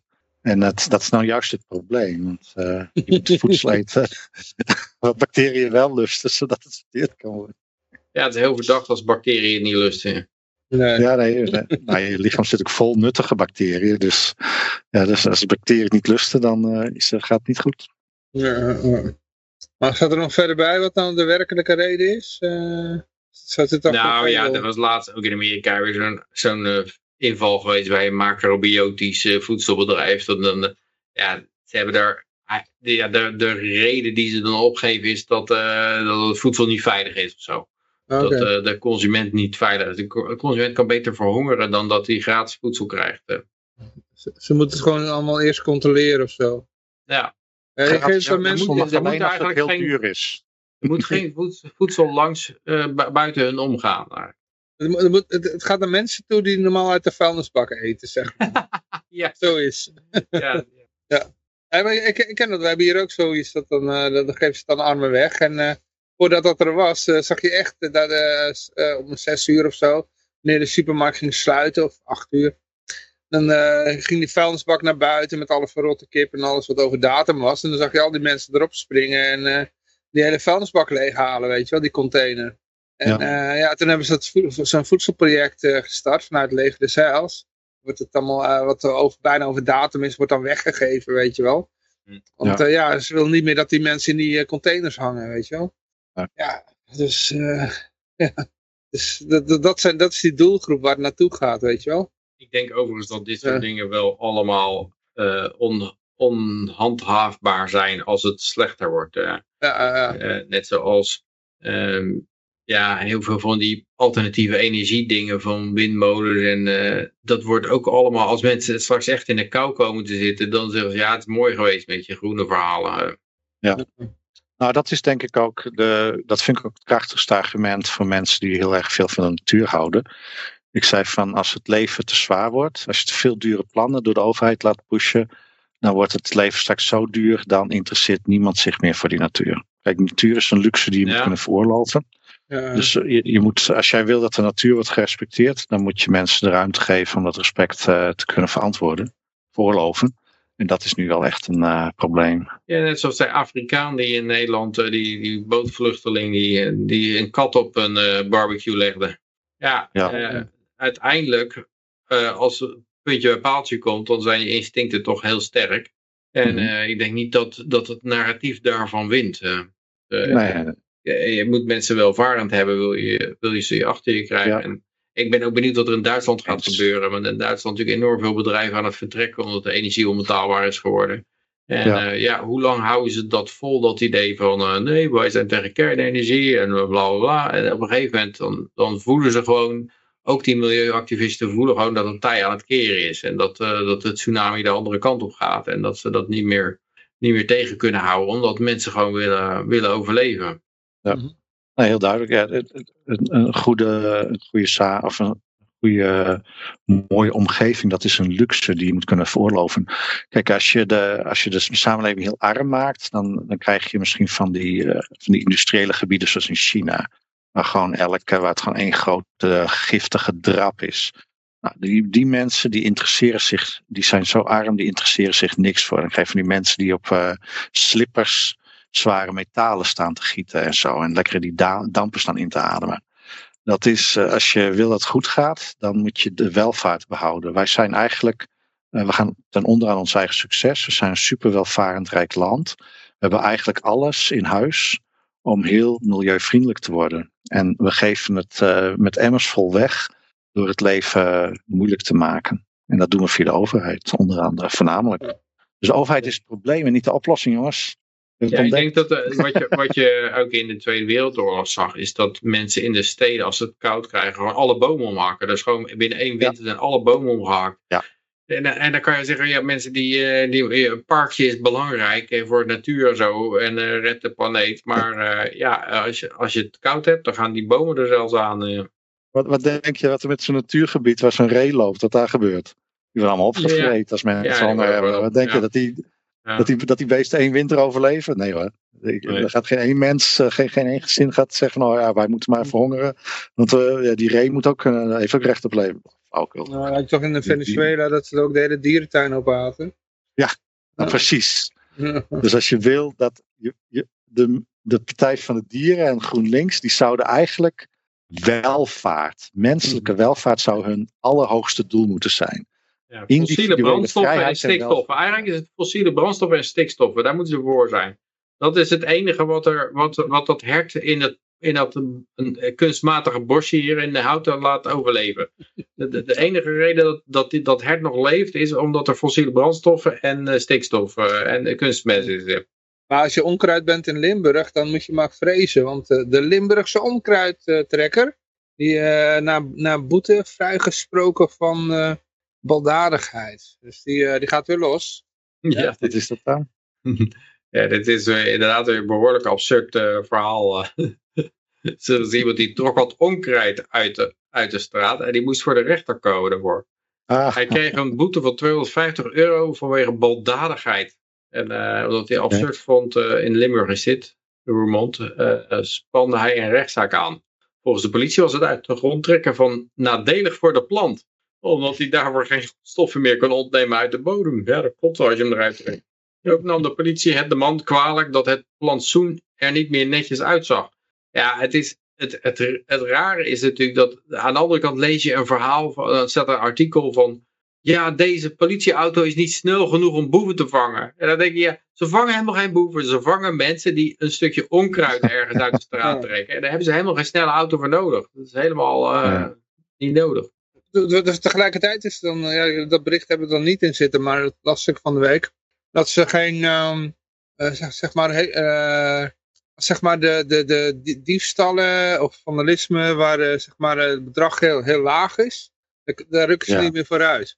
Dus als Ja, jouw ook fiets gestolen is en ze vinden Ja. het eh, een niet te dure fiets, dan komen ze niet meer, weet je wel. En, eh, Het Openbaar Ministerie stelde dat het niet de bedoeling is dat Jan en Alleman planten uit een perkje gaan trekken. De officier van justitie noemde het gedrag van de man asociaal. Het OM eiste daarop dat hij onschuldig zou worden verklaard, maar, maar dat hij geen straf zou krijgen. De rechter was het daar niet mee eens en sprak de Limburger vrij. Ja, sommige dingen zijn nog te belachelijk, maar het feit dat het überhaupt al zover kwam is natuurlijk al, al eh, ja, ongelooflijk. nou, leuk verhaal. nou. Maar ik had gewoon bij de plantsoenendienst kunnen melden, toch? Of eh, kon dat niet? Nou, het doet me heel erg denken aan een maat van mij. Die, eh, die, ging, eh, die wou een keer eh, van eh, zand jatten. Van dat bouwzand, weet je wel. Bouwzand. Die kwam met een auto en een aanhanger. En die, die was aan het scheppen. En toen kwam de politie en die zei van, ja, wat zijn we aan het doen meneer? Bent u eh, hier zand aan het dumpen? Dat gaat zo niet. U schept al die dat zand weer terug in uw aanhanger. En, eh, en, eh, en dan zien we het er voor één keer voor, door de vingers, zei hij. Ja. ja, dat doet me een beetje aan het denken gewoon. Dat is leuk. Uh, een beetje aan de Monty Python, dat, eh, dat die eh eh, fuck de keizer aan het eh, schrijven was op die muren. En toen zei die ene Romein, eh, dat is een spelfout. Eh Ja. Dan moet je straffen de hele... Het honderd keer opschrijven. Oh, jee, jee. Maar ik vind het ook wel eens grappig van, kijk, het- dat met hele, dat, dat, natuur, dat is heel emotioneel. En ik, ik, ik heb een keer met een, een boswachter gesproken. En dan, en dan heb je nou te benen een boswachter. En die zei van, eh, eh, die, van eh, ja, die, die vond het allemaal maar niks, die boeren en zo. En, eh, en ehm, hè, dat had allemaal mooie natuur kunnen zijn. En die zei van, eh, ja, ik heb het liefste dat we weer teruggaan naar eh, jager-verzamelaar. Ja. Maar goed, als je dus jager-verzamelaars hebt, wat doen die? Die alles wat een hartslag heeft, dat, dat, dat, dat eh, maken ze dood en eh, vreten ze op, weet je wel. Ik bedoel, eh, dan gaat elke bever, die gaat in de pan en, en eekhoorn en, en, en weet ik allemaal wat. Terwijl, het is juist als je vee fokt en op dat opvreet, dan, dan laat je juist die, die, die, die wilde dieren met rust vo- voornamelijk, weet je wel. Dus het is, ja goed, zijn oplossing was dan, hij, hij wou ook depopulatie. Hij was ook een depopulatie-fan. En toen zei ik van nou, eh, waarom begin je niet meer zelf dan? Nee, en had ook nog dood bij de twee kinderen. Dus eh, ik zeg van, hè, een betere wereld begin bij jezelf. Dus, eh, want dat begrijp ik dan nooit zo. Want dat, dat hebben ze in eigen hand. Als ze vinden dat het veel mensen zijn, dan kunnen ze gewoon eh, Dus eh, direct... maar eh, als ze om de armen geven, hebben ze het ook in hun eigen hand. Ze kunnen gelijk geld aan de armen gaan geven. Maar toch willen ze liever dat iemand anders dat voor zijn rekening neemt. En dat is denk ik ook met die eh, depopulatie het geval. Degenen die het niet met hen eens zijn, die moeten dood. Ja. Maar eh, jaarlijks, eh, even kijken hoor, jaarlijkse huis-aan-huis controle, hondenbelasting van start. Oh jee. Hm. Ze komen aan je deur hoor. Ja, maar het is niet in elke gemeente. En, Nee, en nee, nee. hetgene wat ik aan zou raden, Mhm. is dat als jij een hond hebt, dan, eh, dan leen jij die hond van iemand, en die, die moet hem dan wel op zijn naam hè, hebben, in een gemeente waar geen hondenbelasting is. Ja. Dan heb je gewoon de, de hond van, van je tante heb je even, hè? pas je even op. Ja, maar je hond dan ziek, eh, ziek wordt, wat, nou wie gaat de rekening eh, als je naar dierenarts Maar dan moet je regelen dat het naar die tante gaat. En dan betaal jij die Ja. tante natuurlijk gewoon. En dat vergoed je wel, maar dat moet vanaf de bankrekening van jouw tante natuurlijk. En, eh, en ook dat, het vaccineren moeten ze gewoon. Misschien kun je een beter soort vereniging oprichten of zo, waar dan die hond eh, eigendom van is. En dan via die, of, ja, via die club betaal je dan de kosten van je hond. En, Ja, een soort, soort, soort, soort, soort, eh, voor zo'n opvang eh, voor zielige honden. Dat heb je van alles. Je hebt ook voor, Ja, voor ja. zielige ezeltjes. En zie- en dan kun je er zelfs, eh, kun je zelfs geld voor opvragen. Gewoon een, langs de deur. Voor, wilt u ook iets geven voor sneuwe honden? Ja, dat is, dat, is, dat is nog beter. Dat is nog beter, ja. Dat moet je doen. ja, dit is, valt te ontduiken, denk ik. Te ontwijken, sorry. Ja, je moet zo'n hond net als Anne Frank in zo'n eh, in zo'n eh, kamer, achterhuis eh, zetten. Ja. Maar kijk, een maat van mij die had dat een keer. en Die had, die had zo'n vent deur. En, en nou, hij heeft een hond, nee. En, en die hond die, die zat achter. die zat die te blaffen. Die ging helemaal af. En ja, wat hoor ik dan? Ja, wat hoor jij dan dan? Ik hoor niks. nou, hij liet hem ook niet binnen en zo. Maar ja, dan krijg je dat soort dingen. Ah, vroeger had je tv, hè? Dan gingen ze Ja. controleren of je een tv had, hè? Volgens mij is dat. Nu, nu betaalt iedereen voor die kut eh, NPO. Maar eh, vroeger alleen als je een tv had, hoefde je het te betalen. En dan gingen ze controleren. In tv Zo had. eerlijk. Ja, volgens Ja. mij eh, is dat in de UK nog steeds zo, hè? Echt waar? Ja, dat je tv-belasting hebt, ja. Mhm. Aan direct aan de BBC betaalt. Ook als je niet kijkt. Hm. Nee, maar de, hoor dat dit... ehm, hoor dat, het- volgens mij was Robert Valentine die er een keer over had. Eh, ja, dat was bij ons inderdaad. In, eh, een paar jaar geleden. Toen was hij nog ambtenaar bij de gemeente Amsterdam. En toen vertelde hij ook over die, eh, die hondenbelasting. En had hij dat vol- volgens mij voor elkaar gekregen dat dat afgeschaft werd. En het punt was dat het eigenlijk geen... ehm, het bracht de gemeente geen geld op. En notabene de SP die stond achter dat plan om het af te schaffen. Dat, eh, dat was wel heel opvallend, dat kan ik me nog herinneren, ja. Dus, eh, maar ja, het is, het is voor de, ja, het is voor de overheid is het duurder om dit eh, te handhaven dan, eh, dan, dan het eh, ja, afschaffen. Ja. Eigenlijk een bezuiniging. Gewoon Ja, goedkoper om die het bij de belasting van iedereen op te tellen. En eh, die, die mensen betalen toch wel, oh het is weer omhoog gegaan dit jaar. Nou oké. Ja. Ja. ja, dat moet je inderdaad. Ja, het is wel grappig dat, dat iedereen een hond aangeschaft heeft. Om, eh, want we hadden een avondklok voor niet-hondenbezitters. Ja. En, en, nou, en nou is er hondenbelasting. Terwijl vroeger... Nou, die is wel een aantal decennia hoor. Eh, Ja, oké, maar dat is niet in elke gemeente. Maar, maar eh, ik, de, de, de- vroeger eh, was het zo dat je, je had ponybelasting. En daar kwam die melkboerenhond vandaan. Hè? ja. Ze gingen een hond voor de kar zetten, want die was, eh, die was belastingvrij. Nou, nu heeft iedereen het als huisdier. En er zijn veel meer mensen die een hond als huisdier hebben dan een pony. Dus het is ook veel interessanter om... eh, Ja, kattenbelasting heb je niet, hè? Ja, er Nee. zijn wel behoorlijk wat katten ook. Ja, maar gaat een iedereen- idee. Daar zitten ze wel aan te denken, ja. Ja, inderdaad. Ja. Nee, want het handhaven van die belasting, dat is eh, duurder dan, het, dan wat het opbrengt. Daarom heb je geen kattenbelasting. Ja, Ik vind dat niet een sterk argument. Want er zijn wel veel dure dingen die toch gebeuren zonder dat het oplevert. Mhm. Maar eh, De overheid, die ambtenaren zijn ook geen ondernemers, hè, Klaas? nee, nee, nee. Daarom zien ze dat niet. Anders was in de, de overheid inderdaad heel eh, efficiënt geworden. Ehm, Ja, stel je voor dat ze dingen die niet genoeg opbrachten niet zouden doen. Dan, en dan doen ze eigenlijk niks. Per definitie moet je dingen die niet de moeite waard zijn Als- afdwingen. als- Anders als- gebeuren ze al. als belasting vrijwillig wordt, dan, gaan, dan worden ze in één keer allemaal ondernemer. eh. Als ze in één keer als ondernemers denken. Ja, ik vind wel, eigenlijk vind ik dat partijen moeten worden afgeschaft. En dat als je in de overheid wil werken, dan moet je minimaal tien jaar zelfvoorzienend hebben geleefd. Ja, Dus je, je moet zeg maar al een poosje onderdeel zijn geweest van de, van de economie, zeg maar. ja, Dus dan op die manier kun je dan, ehm, dan, dan heb je in ieder geval meegemaakt hoe het is om voor je eigen geld te werken. En ik denk dat dat een belangrijk ding zou zijn. Ik zou ook eh, selectieve dienstplicht. Dus als je zeg maar voor de overheid wil werken, of je van de overheid eh, geld eh, wijzer worden, dat je, dan, eh, dat je dan wel dienstplicht hebt. Oké. Ik denk dat dat ook dat is een goed, ja, dat zou een goede af, afschikmiddel zijn voor traditionele oorlogsvoering ook. Denk Nou, ik. Als je, je kan toch ook gewoon een militie, een militieleger invoeren? klopt, ja, nee, helemaal goed. Ik, ik, vind ook dat de, de vrije burgers. Ja, de vrije burgers moeten ook een, eh, gewoon een eh, militie kunnen vormen. Maar het dienstplichtleger bestaat enkel uit eh, overheidsmedewerkers. Dus dan zijn zeg maar de mensen die het beleid nee, van het maken, zijn ook de mensen die een, het eerst... Een huurlingen, huurlingenleger. Ja, ja, ja, Dus je hebt maar twee legers. De politie en de huurlingen. het is nu vaak zo dat degenen die de oorlog maken en bedenken, Ja, die gaan niet zelf naar de frontlinie. Dus als je zeg maar je dienstplichtleger gewoon bestaat uit degene die ook de oorlog plannen, dan is het een hele interne aangelegenheid. Dus dan heb je zeg maar de overheid vindt dat we naar oorlog moeten Ja. voeren, maar dan, dan volgens ook alleen, want dat zijn ook de functies die het best uit de maatschappij kan missen, ambtenaren.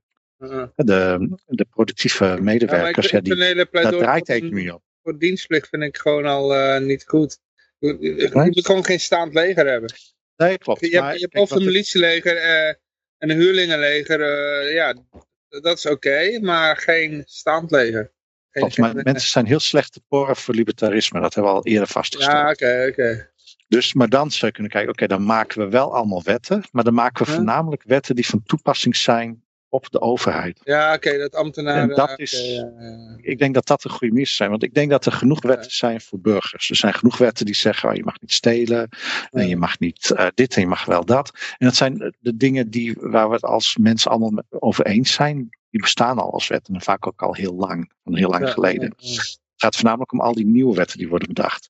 Hmm. Maar als je die dan gewoon toepast op de overheid zelf, dus zegt, nou, je mag geen drugs gebruiken, dan ga je alleen drugstests toepassen bij de overheid. Want waarom zitten we sporters te controleren, maar niet mensen, beleidmakers? Ik zou veel geïnteresseerder zijn in het cocaïnegebruik en andere middelgebruik bij de overheid. Eh, Ja, een sporter doet dat niet. We moeten al die regels moeten een beetje omdraaien. Als- Als, als je alle politici gaat onder, eh, onder het, eh, verplicht een drugstest eh, laat doen, dan... eh, Ja, ik heb ook andere wet die ik heb bedacht, is dat zeg maar het minimumloon. hè, Want kijk, ik Mhm. snap dat we als libertariërs ideeën hebben over minimumloon, maar dat minimumloon dat is zeg maar het, het inkomen van mensen die voor de overheid werken. Dus dan betekent dat dat de over, dan is, nam, dan is er namelijk een prikkel om zeg maar van het minimumloon een eh, leefbaar inkomen te houden.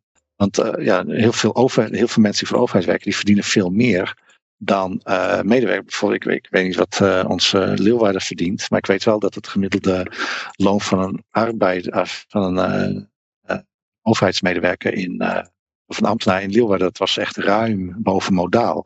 Terwijl de meeste mensen die in Leeuwarden wonen, die verdienen nou, ruim onder modaal. Dus het, ik denk dat het heel eerlijk zou zijn dat gewoon wat we vaststellen wat minimuminkomen is, dat is wat zeg maar eh, mensen van de overheid verdienen, zodat zij een enorm sterke prikkel hebben met beleid en kosten om het een leefbaar inkomen te houden. En dan, dan krijg je weer van, dan wordt het, eh, dan wordt het of heel hoog of eh, dan wordt het bla bla bla.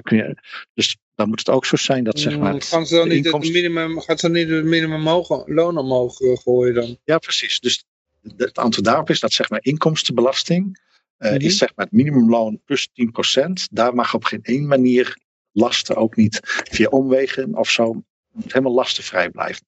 Zodat de overheid ook geen impuls heeft om het op een of andere manier oninteressant te maken of toch heel duur. Dat- Ja, maar dat, is weer, ja, ja, ik weet niet of dat, eh, maar Nee, goed, ja. Nee, nee, nee, dat snap ik. Maar dat Mhm. is mijn punt. Kijk, er zijn genoeg wetten. We, zijn de dingen waar we het als samenleving over eens zijn, of de meeste mensen zeggen dit is wenselijk gedrag, dit is onwenselijk gedrag. Dat zijn dingen die zitten al in de wet sinds mensenheugenis. Ik, ik neem de meeste landen die zeg maar een beetje fatsoenlijke uh, eerste wet opstellen. Daar staan dingen in die over het algemeen wel uh, mensen het wel mee, mee, mee, kunnen vinden. Of die verbieden dingen waarvan mensen uh, over het algemeen zeggen, ja, ik wil ook niet dat dit met mij gebeurt, zeg maar. Mm -hmm. Het is vaak die aanvullende reeks wetten die onophoudelijk wordt uitgestart. Dat, daar zit vaak het probleem in. Nou, als je daar dan, daar kun je een leuk spelletje van maken. Dat je alleen maar wet, wetten betekent voor de overheid zelf. Ja. ja. Nou. Hm. Maar er is nog eens tijd voor een uh, bedreigde hamster. En die kost ja. zo, uh, even kijken, die kost 20 miljoen euro en uh, heeft nauwelijks effect. Ja, dat uh, was wel te verwachten. Welke club heeft hier aan verdiend? Een hamster. Peter, kwam die van jou? Of, Zou zomaar kunnen. maar het gaat over de korenwolf in uh, Limburg. Oh god. Ja, ze zijn oh, 25 jaar later en 20 miljoen verder blijkt de strijd nauwelijks effect te hebben. Nu wil een Limburg staatlid dat de stekker uit wordt getrokken. En wat over het algemeen niet gebeurt, en dat is hetzelfde mechanisme wat we al eerder bespraken, dat op het moment dat jij zegt, of de overheid zegt, we gaan de korenwolf beschermen. En eh, als jij een korenwolffilm op jouw bouwkavel, dan mag jij opeens geen huis meer bouwen, want zo ja, beschermd zijn we. Wat er dan gebeurt is dat overal korenwolven worden uitgemoord, uh, zodat er niks te vinden valt als de ambtenaar langskomt om te checken voor korenwolven en er vrijheid gebouwd kan worden. Dus ja. het, het raar is dat, zoals bijna altijd het geval is, als de overheid iets gaat beschermen, dan krijg je een, een, een enorme uitmoording. Ja, zet de korenwolf gewoon op de menukaart, dan, uh, dan heb je er zo, uh, dat, ik weet niet hoeveel van. Uh. Ja, dan heb je zo een hele boerderij waar ze op gekweekt worden, grote ja, Ik weet een beetje, een beetje, een beetje eetbaar. ik heb laatst nog, was ik in een restaurant en er stond de korenwolf op wel degelijk op het menu. Dus, maar... Oh ja? Waar, welk land? Gewoon hier, in Leeuwarden. Oké. Okay. Het was een, uh, een wit biertje. ja, oké, okay, okay, ja, goed. Ja, ja, de korenwolf uh, bier, ja. Nee, ik bedoel echt uh, het beestje zelf. Ja, ik weet niet of het eetbaar is, maar ik bedoel, met, net als met konijnen. Ik bedoel, het is, ze klaarmaken een hele hoop bot en een beetje vlees, zeg maar. Mm -hmm. Dat is echt een nachtmerrie om dat, daar iets van te maken. Dus ja. Maar goed, wat, gaat, wat, wat gaat ermee gebeuren verder? De korenwolf? Ja, dit is, uh, de dierensoort geldt volgens de EU-regels als een habitat, habitatrichtlijnsoort. Ja, okay. Dan weet je al dat het uh, dat nooit een einde aan komt. De provincie ja. moet de korenwolf beschermen, anders dan uh, gaat hun bankrekening eraan natuurlijk. alle de Europese Unie verplicht alle lidstaten tot een goed natuurbehoud. Wanneer het niet gebeurt, kan het zomaar leiden tot een boete vanuit Brussel. Ja, als je boete niet betaalt, dan, dan gaat je bankrekening eraan. Ja. Weer afgesloten. Het was niet zo dat dat beestje net over de grens wel overdadig aanwezig was. Maar gewoon in Limburg net niet of zo. We stonden nog een beetje vaag bij hoor. Maar... Waarom denk je dat? Heb ik ooit een keer zoiets gehoord, uh, menen te hebben, maar ik weet het niet zeker. dat ja. in, in, Duitsland hadden ze wel heel veel van die beesten, maar in Limburg, ja, daar kwam het een beetje sporadisch voor of zo. Ik denk dat die hele EU-tyrannie, mm -hmm. dat dat dat het pas eindigt als je net zoals die BRICS-landen die zo'n uh, munteenheid op gaan zetten. Mm -hmm. Als je daar tegelijkertijd een soort, een soort uh, rebellie met een heleboel leden van doet. Zeg maar. Dat je gewoon tegelijkertijd in, uh, in 25, nou nee, nee 25, maar in, in 10 belangrijke EU-landen zegt, fuck de korrelhof. We gaan we niet meer beschermen. Die wet moet eruit. En dan kijken of ze, of ze de stekker eruit trekken. En als ze dat niet doen, als ze dan uh, ja, ze niet uh, doorzetten, ja, dan heb je een precedent wat, wat aangeeft van je kan die EU verslaan. En ik denk dat dat, dat dat is wat die BRICS-landen ook proberen. Als Gaddafi alleen een gouden munteenheid gaat doen, dan, dan kan hij het wel schudden. Als uh, als Saddam Hussein het alleen probeert aan de euro, in euro's te verkopen olie, dan kan hij het wel schudden. Maar als je een hele coalitie hebt van landen, Saudi-Arabië daarbij en, en de BRICS natuurlijk, Rusland, India, China, dan heb je een kans dat, um, dat het zo groot is dat het niet te negeren is. Ja. Uh, ethically speaking, die zegt ook nog van, het kan ook anders, je kan het ook anders zien. Hè? Het kan ook zijn dat de overheid geen geld wil besteden aan uh, om bijvoorbeeld een weg aan te leggen. En dan zeggen ze gewoon van, ja de korenwolf, de marmot, die, die leeft daar. Dan hebben ze een argument om de weg niet meer aan te leggen. Ja, Daar ja of, of om er nog tien jaar eh, een rechtszaak over te voeren. Dat is ook wel het eh, favoriete. En dan daarna te zeggen van ja, dat is in Nederland zo vanwege de democratie. Hè? En in China kunnen ze gewoon zeggen, boem, hebben, we leggen weg neer. Omdat ze daar een prachtige centrale planeconomie hebben. Misschien, eh, en dan op een gegeven moment schreeuwen mensen op een centrale planeconomie. Want die zeggen, we zijn daar helemaal zat. Dan maar een centrale planeconomie. Als die gewoon een weg aan kan leggen, als er een weg aangelegd moet worden. Eh, ja, en zo- Nou, terwijl in China, dat is heel raar. Hè? Dan ja, dat is helemaal niet zo. Hè? Dat is helemaal een niet zo. tyrannieke overheid, denk je. Dan heb je nog van die mensen, die, van die boeren, die van die plaggenhutten leven. Ja, en die die weigeren spannen rechtszaak verkopen. aan, ja, die weigeren te verkopen. Dan zie je de hele Eh, weg eromheen gaan. Ja, precies. en daar heb je heel veel voorbeelden van in China. Hè? Dus, eh, Ja, dus ik, ik, ik Eh, denk dat het ook voornamelijk een fabeltje is dat, het, dat er in China geen eigendomsrechten zijn enzovoort. eh, eh, Ehm, dus, maar maar het, verhaal, het verhaal is goed genoeg om... of om de in- Chinezen om- doen dat om ons te laten denken. Mhm. dat, dat kan ook. Nou, dat geloof ik ook niet, maar, maar ik denk dat het, dat het eh, voldoende is. Mensen geloven dat verhaal gelijk. En ik Mhm. denk dat het lukt om de roep des volks te krijgen. Dat is altijd het doel. De, dat, dat de roep des volks komt waarin de, de vo- bevolking schreeuwt om meer maatregelen aan de overheid. En dan kunnen ze zeggen, ja, we, we hebben het, eh, ze hebben er zelf om gevraagd. En, en dat kunnen ze gewoon doen door genoeg angst, eh, met, met angst en ergernis. En, en dan zeggen ze, ja, de op, dit is de oplossing. De- action-reaction solution. Hè? Dus de Hegelian dialectic. Van, eh, we, we creëren een probleem en, eh, en dan komt er een reactie op dat probleem. En dat is de roep des volks. En daar geven wij de oplossing die we al klaar Ja. hadden liggen. Ja, over roep des volks gesproken, Alex Jones. Ehm, ja, er is een nieuwe conspiracy theorie die, die doet de ronde. En dat is begonnen een beetje begonnen bij eh, Alex Jones. Dat, ehm, er komen weer een nieuwe overheids, COVID-maatregelen aan. En dat is, eh, ja, dat spreidt zich als een vuurtje. Nu heeft bijna iedereen het erover. ja, ik heb dat eh, ook gehoord. En, en ja. Jeff Burwick zei dat ook. En dit keer gaan er gewoon echt doden vallen aan de berg. Dat, dat was nodig om het, om het door te krijgen. Ja. En, en eh, ze, wisten al van tevoren waar die eh, uitbraken plaats kunnen vinden. hè. Dat eh, is wel heel Hmm. opvallend. Dus, ja, eh, ik, ik weet niet of het zo gaat. Ik, ik denk inderdaad dat als ze eh, iets ingespoten hebben waardoor mensen bij bakken neer gaan vallen. en ja, via gaan dat- muggen, hè? Via muggen. Via muggen. nou ja, of, of gewoon via de, de spuit en dat ze dan Ja. Eh, uiteindelijk flinke bergen doden gaan vallen. Of, Ja, nee, waarom, je ik hebt geen eens muggen nodig. Je kan gewoon iedereen een uh, verplichte Ja. booster geven. En dan hebben ze ook allemaal eh, die, die ziekte. Muggen suggereert op dat je het eh, vrij, eh, dat, dat je het stiekem moet doen, maar dat hoeft niet eens. Je zegt gewoon, eh Eh. hier is je nieuwe booster shot en dan gaan er ook mensen dood. Ze, oh, het is veel Ja, erger dan gedacht. de, de- de theorie van de muggen, ik weet niet of je dat gehoord hebt. Maar er was dan eh, eh, Bill Gates die had eh, van die... Ja, staat op video dat hij die muggen heeft vrijgelaten. ja precies. Ja, dat, eh, Dat is- en dan zit hij ook een heel raar lachje is het ook. En dan zit hij eerst Ja. van te, te zeggen van, eh, ja, deze zijn genetisch gemanipuleerde muggen. En eh, haha, hey, nou, ik ga ze hier vrijlaten. En het publiek zit een beetje, hahaha. Het is een heel raar, raar fragmentje. Ja, ja. Ja, Mark wil wat zeggen, maar staat op mute. Laat maar zitten. Het moment is alweer voorbij. Je staat nog steeds op mute, man. Wil je je microfoon aanzetten, Jan-Mark? ik, ik hoor je wel, ik hoor je wel. Ik hoor je zeggen. Ja? wat? Ja. Oh, nee, dat is een buizenmicrofoon. Die moet, warm Ja, worden. die moet in het warm gloeien. De gitaarversterker achter natuurlijk. Oh man. De buizen moeten eerst warm worden. Oké. Ja. ja, het is een artistieke eh, microfoon, hè? Maar eh, waar is dat filmpje te zien, eh, Peter? Op internet. Ja, Ja, is- eh, ja, als je die Jeff Burwick volgt, daar, eh, daar is het. eh, heeft als je een link hebt, dan mag je die, zet die link er Op, op, X, voor, voorheen bekend Ja. Twitter, komt hij ook voorbij. eh.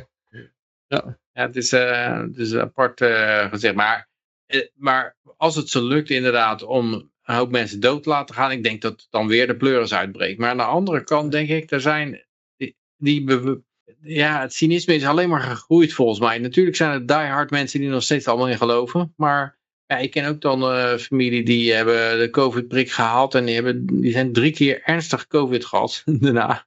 Ja, en ja, dan moet toch wel eh, het wantrouwen een beetje groeien. Ik denk dat het immuunsysteem van de samenleving een beetje eh, aangewakkerd is. En dat het, Ja, dat, het, dat het niet meer zo makkelijk lukt. Ja, dat denk ik ook niet. Maar weet je wat, weet je, wat eh, waar ik laatst iets over gelezen heb. Eh, ik had al wat dingen daarover gehoord. En het, het was trouwens al vrij snel. Dat, het, ehm, dat ging over die, die op die beademing liggen van die, van die, van die eh, mensen die dan COVID zouden hebben. Hè? Ja. En ik, ik had al heel snel had ik een, ehm, een longarts op YouTube gezien uit New York. Die zei En die, en, die, en die zei van ja, we zijn die mensen aan het vermoorden. Want die hebben, die hebben helemaal geen beademingsapparatuur nodig. Want dat ademen kunnen ze zelf wel, maar ze zijn benauwd. En, en die, mensen worden helemaal verkeerd behandeld en we zijn ze aan het vermoorden.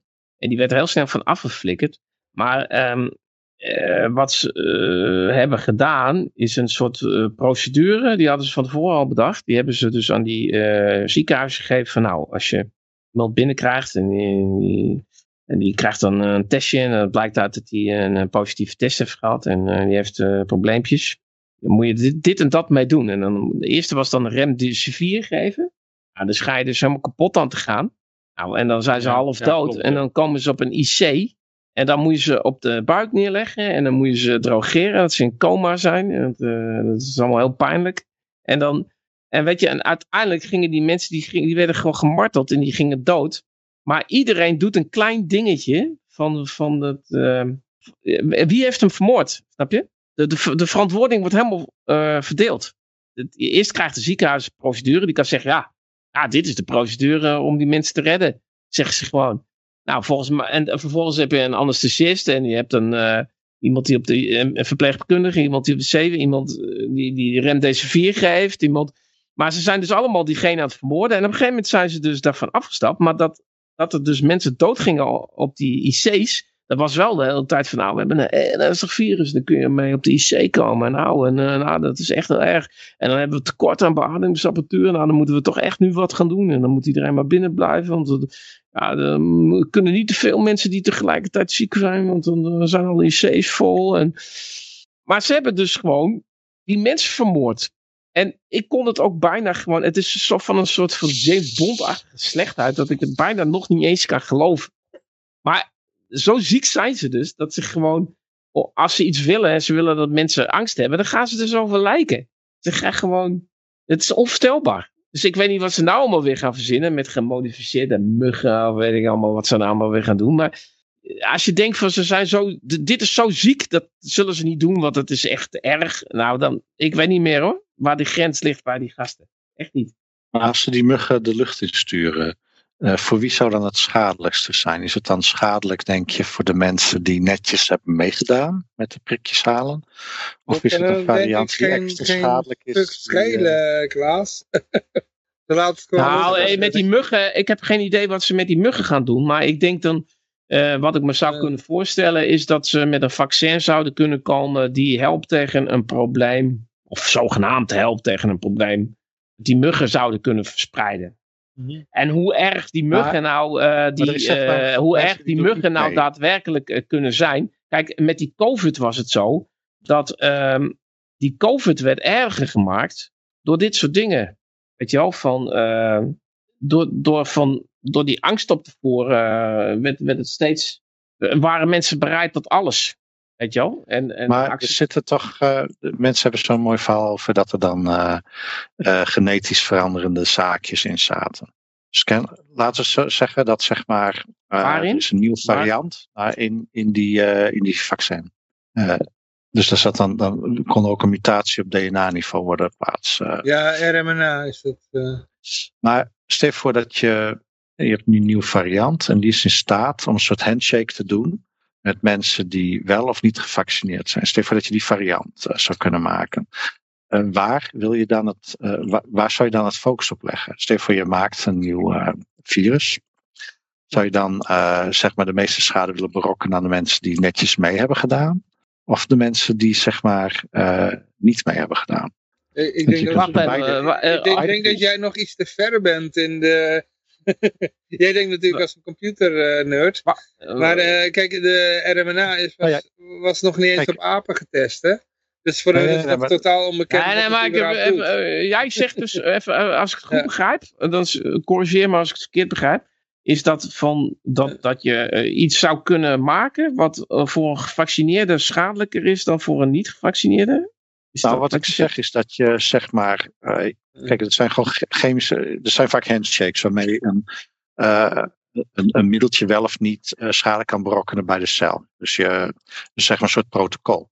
Maar nu, ja, stel voor dat je in staat bent met het protocol om te differentiëren tussen mensen die zeg maar wel of niet de inenting hebben gehad. Dus dan, zeg maar, dan gaat er virus wat rond. En het effect wat het bereikt bij jouw cel is afhankelijk van het protocol dat het kan uitvoeren. Nou, en als dat protocol constateert van oh, dit is iemand die heeft zich niet laten vaccineren. En je bent dat aan het designen. Wat wil je dan? Wil je dan dat het, wil je van die persoon af? Wil je dan dat het extra schadelijk is? Of wil je juist die andere, die grotere groep? Dat, daar gaat het om, weer die grote groep. Weer aan een nieuw middeltje krijgen. Of wil je misschien ontdoen van de mensen die niet meedoen? Kijk, het kan, uh, als je meegaat in het idee dat er, uh, dat er iets achter, dat er gedachte achter zit, of dat het uh, gemaakt is, dan moet je ook met dat soort dingen rekening gaan houden. Dat, dat je door te kiezen, door niet mee te doen, dat je ook, zeg maar, getarget kan worden. Nou, kijk, kijk, die... kijk, kijk Klaas, het is, het is geen computercode wat ze ingespoten krijgen, hè? Het is een, een eiwit oh, waar het lichaam geen raad mee weet. En dat een beetje rondbalanceert in de bloedvaten. Ja, ja, Het lichaam weet er geen raad mee. Dus uh, dat, dat kan tot de hartspierontsteking, hartspierontstekingen kun je ervan krijgen. En dat is dat ze tot nu toe ontdekt hebben wat het kan doen. Maar ik, ik, uh, dat, dat, is een, ja, dat is een hele hypothese. Maar dat, jij denkt, denk je dat het mogelijk is om nu een middel te maken dat uh, via muggen wordt verspreid, waarbij een nee. niet met mRNA geïnjecteerd persoon meer last van zou kunnen hebben dan een, iemand die dat wel is? Ja, maar dat, bij die muggen ja, gewoon, met, uh, met... dat waren gewoon muggen met malaria. Die ze in, in, in Florida hebben losgelaten. Dat, dat was alles. Kijk, wat er gebeurt is op een gegeven moment, als je zeg maar de werking van het virus wil tegen, dan moet je iets gaan doen zodat het niet uh, die verbinding maakt. Dus je kan bijvoorbeeld iets gaan doen waardoor die verbinding met jouw cel op een andere manier gaat. Of dat het op een bepaalde manier wordt herkend of anders wordt afgehandeld. Maar als je dat kunt bewerkstelligen, en dan kun je, het is in theorie denk ik mogelijk, ik weet niet of het nu kan, maar ik denk dat je zeg maar een soort markering kan maken waarbij zeg maar de interactie van verschillende substanties ik, ik denk dat, wat ik denk is dat dat nu onbewust gebeurt al. We krijgen via verschillende kanalen, krijgen, worden blootgesteld aan bepaalde substanties wel, bepaalde substanties niet. En dat heeft invloed op onze gezondheid. we hebben bijvoorbeeld bepaalde dingen die we eten, een bepaalde manier waarop we leven, bepaalde manier waarop aan bepaalde dingen worden blootgesteld. En dat heeft invloed op hoe wij zijn. Dus mhm. is, het is mogelijk om onze gezondheid te beïnvloeden door bepaalde middelen of door een combinatie van factoren. Maar het is ook mogelijk nu of uiteindelijk om zeg maar een soort uh, het effect van een bepaalde chemicaliën kan zijn van oh, ik, ik ben in het lichaam, ik tref de cel aan, ik krijg deze interactie, gebeurt er iets wel of niet. Dat is eigenlijk wat er ook gebeurt. Hè? Dat, is wat er gebeurt. Er is een substantie die komt aanraken met de cel, leidt tot een bepaalde conclusie. Misschien is het mogelijk om mensen te gaan markeren. Dus dat je uh, zeg maar hoe je omgaat met bepaalde chemische substanties is bijvoorbeeld ook afhankelijk van je genen. Ja, oké, maar uh, voorlopig is het zo, voorlopig is zo, wat we voorlopig weten, is dat die mensen die die prik hebben genomen, uh, gewoon slechter af zijn. En ik denk dat als er iets nieuws komt, wat het ook maar is, slechter ja, of dan moet er inderdaad uh, iets heel, hele specifiek iets, science fiction, iets wat ik helemaal niet kan voorstellen. Maar kijk, Normaal gesproken, als jij nog een, een, een immuunsysteem hebt wat niet afgericht is op allemaal problemen die al lang niet meer bestaan. Dat is het injecteren met, met allerlei griepvirussen met traditioneel vaccin. Of dat je helemaal erg aan het richten bent dan via die mRNA-technologie. Van dat, dat, dat lichaam ziet dan een probleem wat het probeert op te lossen en is daar dan mee bezig. Nou, dat is mijn lichaam dus niet mee bezig geweest. Dus dat is, mhm. als er iets is, dan, dan zou ik zeggen van uh, om mijn natuurlijk uh, immuunsysteem is beter in staat om, om weer met een nieuw probleem te dealen dan uh, een immuunsysteem wat allemaal al gestrest is geraakt met allerlei problemen waar het zich mee bezig moet houden, die al lang meer geen, geen probleem zijn. Ja, dat is niet waar jij het over hebt. Je hebt het weer over iets anders. Maar ik, ik, ik weet ja. ik, ik, geen idee. Ik, het lijkt me een beetje. Het klinkt als science fiction. Maar ja, dat, science fiction is tegenwoordig ook gewoon. Ja. Klaas, Klaas. Je, je moet niet vergeten, dit komt van dezelfde gast. Die zeg maar toen hij nog uh, met uh, besturingssystemen bezig was. Had hij zo'n ideetje van, hey, waarom laten we niet gewoon virussen los, zodat mensen onze besturing, hoe heet dat, antivirusprogramma gaan, eh, gaan kopen, weet je wel? Ja, ja. En dat, dat, Nee, gaat- idee gaat is hij nou bezig eh, met andere virussen. Het hij wil de zon, de, hij wil de zon ook blokkeren. En daar, Ja, daar ja. heb je dus allemaal last van, denk ik. Als we de Ja, zon ja, gaan ja. blokkeren. Denk je? Je moet voor de Nou, gein, misschien Klaas, hij het Klaas, minste, je moet- maar... Je moet voor de gein eens zijn TED-talks gaan eh, luisteren. Dan weet je een Ja. beetje wat Ik heb net een link gestuurd heeft. die, eh, van een TED-talk waarin hij die muggen loslaat. eh. Ja, ja, ja, ja, ja. Deze gast is niet goed voor, deze gast is niet goed voor de mensheid. Ja, ik denk, ik denk wat er eerder gaat gebeuren als die muggen los worden gelaten en we krijgen dengue of zo. Hè, een, van die, een, een van die ziektes die, die die muggen dan kunnen verspreiden. En, en eh, mensen krijgen dat dan. Dat hij dan weer met een geniaal eh, vaccin tegen dengue komt. Nou, en dan moet er gewoon een promotiecampagne worden opgezet dat dengue heel gevaarlijk is. En dat werkt maar ook niet, alvast- dat de vaccin, maar... eh, maar Ja, dat ja. het vaccin helpt niet. Maar dat Nee, zeggen ze eerst niet. Je moet er eerst goed twee nemen. antivirus. Ja, dat You have to 100% pass the bill to find out what is in it. Ja, en to dan, take the eh, vaccine to find out if it works. Ja, nou, en dan, en dan na twee prikjes dan, eh, nou nee, dan moet toch een derde moet je nog hebben. En dan een herhaalprik. En dan moet je elke maand moet je er... eh, Ja, het was van het begin af aan al duidelijk dat het zes prikken, eh, dat het op een zes, zes prikken vaccin ging. Nou, ik, ik had het trouwens vandaag nog over met iemand. Want ze hebben heel lang gezegd van... eh, want, want je krijgt elke keer krijg je weer zo'n brief, hè? Van, van zo, voor zo'n prik. Maar ik moest altijd eerst al die andere prikken nog nemen, hè?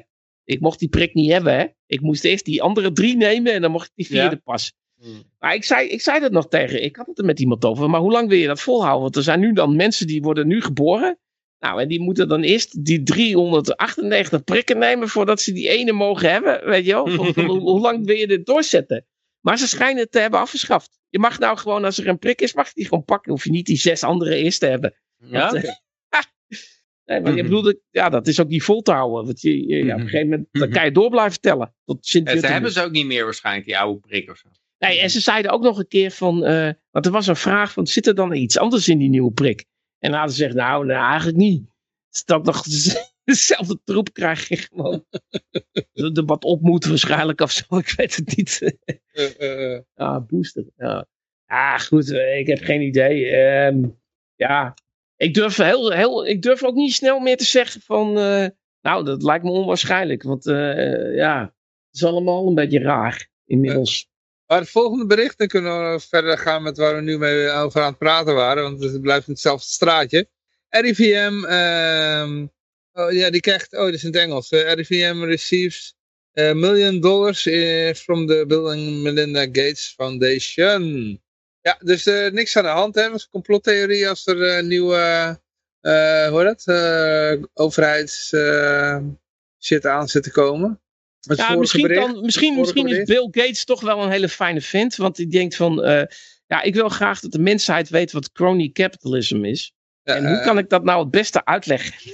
ja, Nee, maar het is duidelijk dat het die man niet om geld te doen is, want hij geeft hier zomaar een miljoen dollar weg. Hij, Ja, koopt ook zo, hij geeft ook zomaar eh, aan het WHO. En aan Ja. de Erasmus Hij geeft Universiteit. Hij geeft zoveel geld weg. En, en, en de mol. Hè? Of hoe heet die? John de Mol. Geeft hij ook zomaar geld. Het, ge- het gekke is dat hij mij... Hij geeft John de Mol weg, maar mij geeft hij niks, hè? Dat is ook nee, raar. eh, eh, het is bijna alsof hij er wat voor terugkrijgt. Dus niet, Ja. eh, Ja, dat is de, de, de, de man die, ik, ik weet niet hoeveel miljard in allerlei eh, pharmaceutical aandelen heeft zitten. Maar het is hem niet om geld te doen natuurlijk. Hè? En dat die aandelen toevallig allemaal gaan stijgen. Ja, maar ik vind het dan ook als je weldoener bent, hè? Dan, ja, en, dan, en dan geef je geld weg. En dan, dan kan je je voorstellen, nou, die geef je dan aan daklozen of zo. Maar hij geeft het, hij geeft het aan het RIVM. En aan de WHO en aan Erasmus. En aan, aan, aan, nou, en aan de mol. Nou, de mol eh, is niet Ja, echt dakloos, hè? wereldwijd. Die is hè, niet dus echt arm, hè? De mol. hè, Bij, bij ieder land doet hij dit dan. Hè? Dus eh, bij Ja. ieder land heb je Ja, een equivalent van, eh en de, van en de Mol, van eh, RIVM, noem maar op. En, maar ik weet niet hoe rijk de mol is. Maar de mol heeft wel patiënten, hè? Denk ik. Ja, ja, ja. Nou, ik, eh, als je, eh, dan ben je wel een heel rare weldoener. Als je, als je, als je mil- miljoenen geeft aan, eh, aan de mol, want die heeft het heel slecht. ja. Nee, die heeft geld hard nodig. het heet trouwens nog steeds de Bill en Melinda Gates Foundation. Hè? Ja, die Ja. twee zijn al uit elkaar en je weet waarom, hè? Weet, Ja. Je weet vanwege Ja, ja. wie. Ja. Maar Epstein, toch? dan, zou het dan Ja, niet ja, zo zijn dat, eh, inderdaad. dat Melinda iets heeft van, hé, hey, flikker mijn naam eraf. Dat denk ik gewoon, ja, Nee, nee, nee, nee, nee. dat is het rare dat ze dan toch daarin blijven die zitten. lijkt het. foundation die bestaat nog steeds. hè. Dat is gewoon een entiteit op zichzelf. Ja, maar dan kan je er een naam van veranderen. Ja, allebei hebben er belang bij, denk ik. En eh, ik denk dat, eh, ja, Ik denk dat als zij niet meer geassocieerd wil worden, dan eh, kan ik me voorstellen dat ze iets heeft van, eh, Dat eh, maak dat maar de Bill Gates Foundation. ik denk dat eh, Melinda ook niet voor de seks getrouwd is met Gates, met Bill Gates. Maar, Wat? eh, je nou voor dat het meer vanwege de fiscale constructie was of zo. dus eh, dat ze uit elkaar gaan, dat was, dat was ook een fiscaal iets, denk ik. Maar dat, eh, ja, dat is maar een gokje hoor. Ja. Ja. ja. Ik denk eh, dat het eh, niet echt was dat ze echt verliefd op elkaar waren of zo. Maar ja, ik, eh, ik was er niet bij, hè. Ja, kijk, het is allemaal brute speculatie hier. eh. Ja, ja, ja. daar krijg je nou naam wappie van. Ja, precies. Ja, inderdaad. ja. Dit, dit wordt weer onder onze oren geslingerd. Ja, daar krijgen we geen enkel bewijs voor. Nee, Nee, nee, nee. Dat is allemaal suggestief is dat. Ja. Eh, maar ja, want als jij een vrouw was, dan zou je nou echt denken van... eh, Hij heeft wel tieten, Bill Gates, dus het, eh, dat is wel een goed begin. Nee, deze vent heeft, deze, deze vent heeft karakter. Ik word helemaal verliefd op hem, weet je wel. Nee, ik, eh, yeah, Melinda French Gates has decided to continue as a co-chair of the Bill and Melinda Gates Foundation. Working alongside her now ex-husband Bill Gates to manage one of the world's largest and most influential philanthropies. Ja, Ja. geeft zoveel hè, om alles. philanthropies is het ook. Ze Ja, het is, overstroomt eh, gewoon van liefde. Zal het zijn, ja. Ja, Gaan we nog naar een nieuw onderwerp? Of, eh, Ja, hier, Wachten we eh, tot je eh, Johan weer een glas op heeft. nee, laten we verder gaan. Eh, even kijken, ja, hier, volgende. Hij moet even laden. Dus jullie, jullie, jullie mogen altijd de titel gaan noemen hoor, als je dat wil. Ja, ik heb hier ook een probleem. Eh, Vaccinated outbreak at CDC conference, bigger than reported. Oké. ja, dat is ook wel leuk. De CDC heeft dan een conferentie. En dan zijn ze natuurlijk allemaal super gevaccineerd. En dan hebben ze een enorme outbreak. En, eh, en dan gaan ze dat onder het tapijt schuiven. Want dat staat natuurlijk, niet zo goed voor de PR. The COVID-19 outbreak among vaccinated people at the, at the bro, uh, that broke out at the conference held in April in the US Centers for Disease Control and Prevention was bigger than disclosed according to files obtained by the Epoch Times. Wel leuk. Ik vind het een leuke club, die Epoch Times wel. After the outbr- outbreak took place, the CDC reported results from surveys sent to attendees. While the CDC said 181 respondents reported testing positive for COVID-19, the number was actually 183. Ah, dat is niet eens zoveel. Klein beetje gesjoemel. Kan een foutje zijn.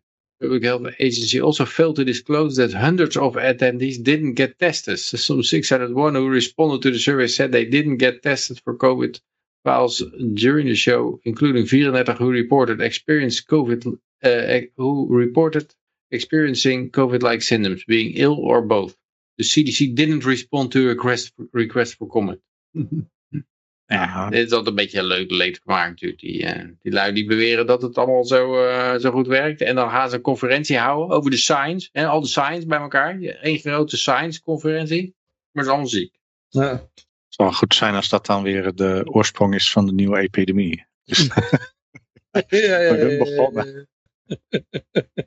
Er zijn ook steeds meer jonge mensen met eh, hart- en eh, vaatziektes in ziekenhuizen. wat is dat dan? Ja. is dat? Is Ja. dat, is dat al eh, die oversterft? Heb je dat al? Ook officieel of is het alleen maar van die, zijn het alleen maar wappie nieuws outlets? Ja, dit komt van het AD. Het Nee, maar de, de, Ah. is, de advies is tijd voor een totaal verbod op rookwaarden. Dus eh, je, Oh. je, de, werkelijk, de, de verklaringen voor hart- en vaatziekten vliegen je om de oren. Echt van alles en nog wat veroorzaakt hart- en vaatziekten. Nou, eh, dus En het echt- grappige is, weet je wat het is? Die, die, als we het over oversterfte hebben. Kijk, mensen die gaan roken, die sterven helemaal niet op een achttiende. Die nee, sterven, die sterven op een 58ste of een 68ste, weet je wel. Hmm. Dus, niet, dus, dus het slaat helemaal nergens op. Het wordt ook niet meer gerookt door jongeren dan in mijn tijd. Nee. In mijn tijd rookte iedereen. Ik was Ja. de enige die Ja. niet rookte. Nee, echt. Een rare wappie was je toen al. Ja, ik was toen echt heel raar. Ik rookte niet. Nou, dat Ja. was je echt raar. Maar tegenwoordig is dat, Ja. dat veel normaler. Dus, dus dat, dat nu in één keer jongeren doodgaan, eh, mensen in een vrij jonge leeftijd. En daarbij dan is het ook echt, eh, als jij begint met, roken op je 16e, dat je op je 18e dood bent. Nou, dan, uh, ik weet niet hoe je dat voor elkaar moet krijgen. Ik, denk dat dat, uh, dat gaat je niet lukken, al wil je het graag, denk ik. Nou, er zijn wel onderzoeken gedaan naar bijvoorbeeld slecht eetgedrag. Slecht fysiek gedrag bij diersoorten. En dan was het wel zo dat pas vaak bij de derde generatie. Dus dat je zeg maar ouders en jijzelf, die nooit beter hadden gehad, dat het dan het ergst werd. Dus zeg maar, uh, dan zeg maar de eerste generatie, die was zeg maar, die had goed geleefd, deels, en die was dan overgeschakeld op het uh, slechte patroon. De tweede generatie, die had ouders die nog deels gezond waren geweest. En de derde generatie, die, die, die, die leefde zelf volkomen verkeerd. En had ook ouders die altijd verkeerd hadden geleefd. En die derde generatie, dat was vaak de allerzwakste. En daar gebeurde ook, eh, daar ging het ook helemaal mis al op jonge leeftijd. Dus het zou een indicatie kunnen zijn dat wij met onze slechte levensstijl nu in de derde generatie zitten. En zou dat kunnen kloppen? Ja, het is natuurlijk ook afgezien van ongezond gedrag is het zo dat je vaak ziet dat de generatie die alles opbouwt en heel veel kapitaal, veel spaart en veel investeert en veel kapitaal creëert, opgevolgd wordt door een generatie die het uh, over de balk smijt en uiteindelijk de slechte uh, arme, armoede veroorzaakt, opgevolgd wordt door een generatie die dan niks meer heeft. die is dan opgevoed met, met het alles komt uit de lucht vallen en je hoeft er niks voor te doen. En mm. ja, dan komt er oorlog en dan draait het weer zo'n cirkeltje rond. Dus ja, je weet niet of dat genetisch is of dat het gewoon, ja, het, het, is bijna onvermijdelijk heb ik het als idee. Ik heb laatst een biografie gelezen over de Vanderbilts. En uh, ja, die kwamen uit Nederland, uit uh, Beeld. En uh, ja, die, die weet je ook weer, dinges van, van de Beeld. en die zat in het scheepsbouw, toch? Of ja, die, met schepen deed Ja, met schepen deed hij nou. Maar later ging je spoorweg over, want dat was de nieuwe hype. en die staat, er staat een standbeeld van hem in het Grand Central Station in New York. Dus de rijkste man waarschijnlijk die ooit, ooit geleefd heeft. Um, geschaald naar naar uh, dollarsterkte, zeg maar. Uh, Cornelius Vanderbilt was het, ja.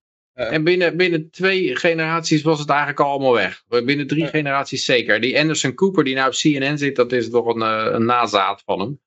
okay. en, ja, zijn moeder die had het allemaal al over de boog gespeten.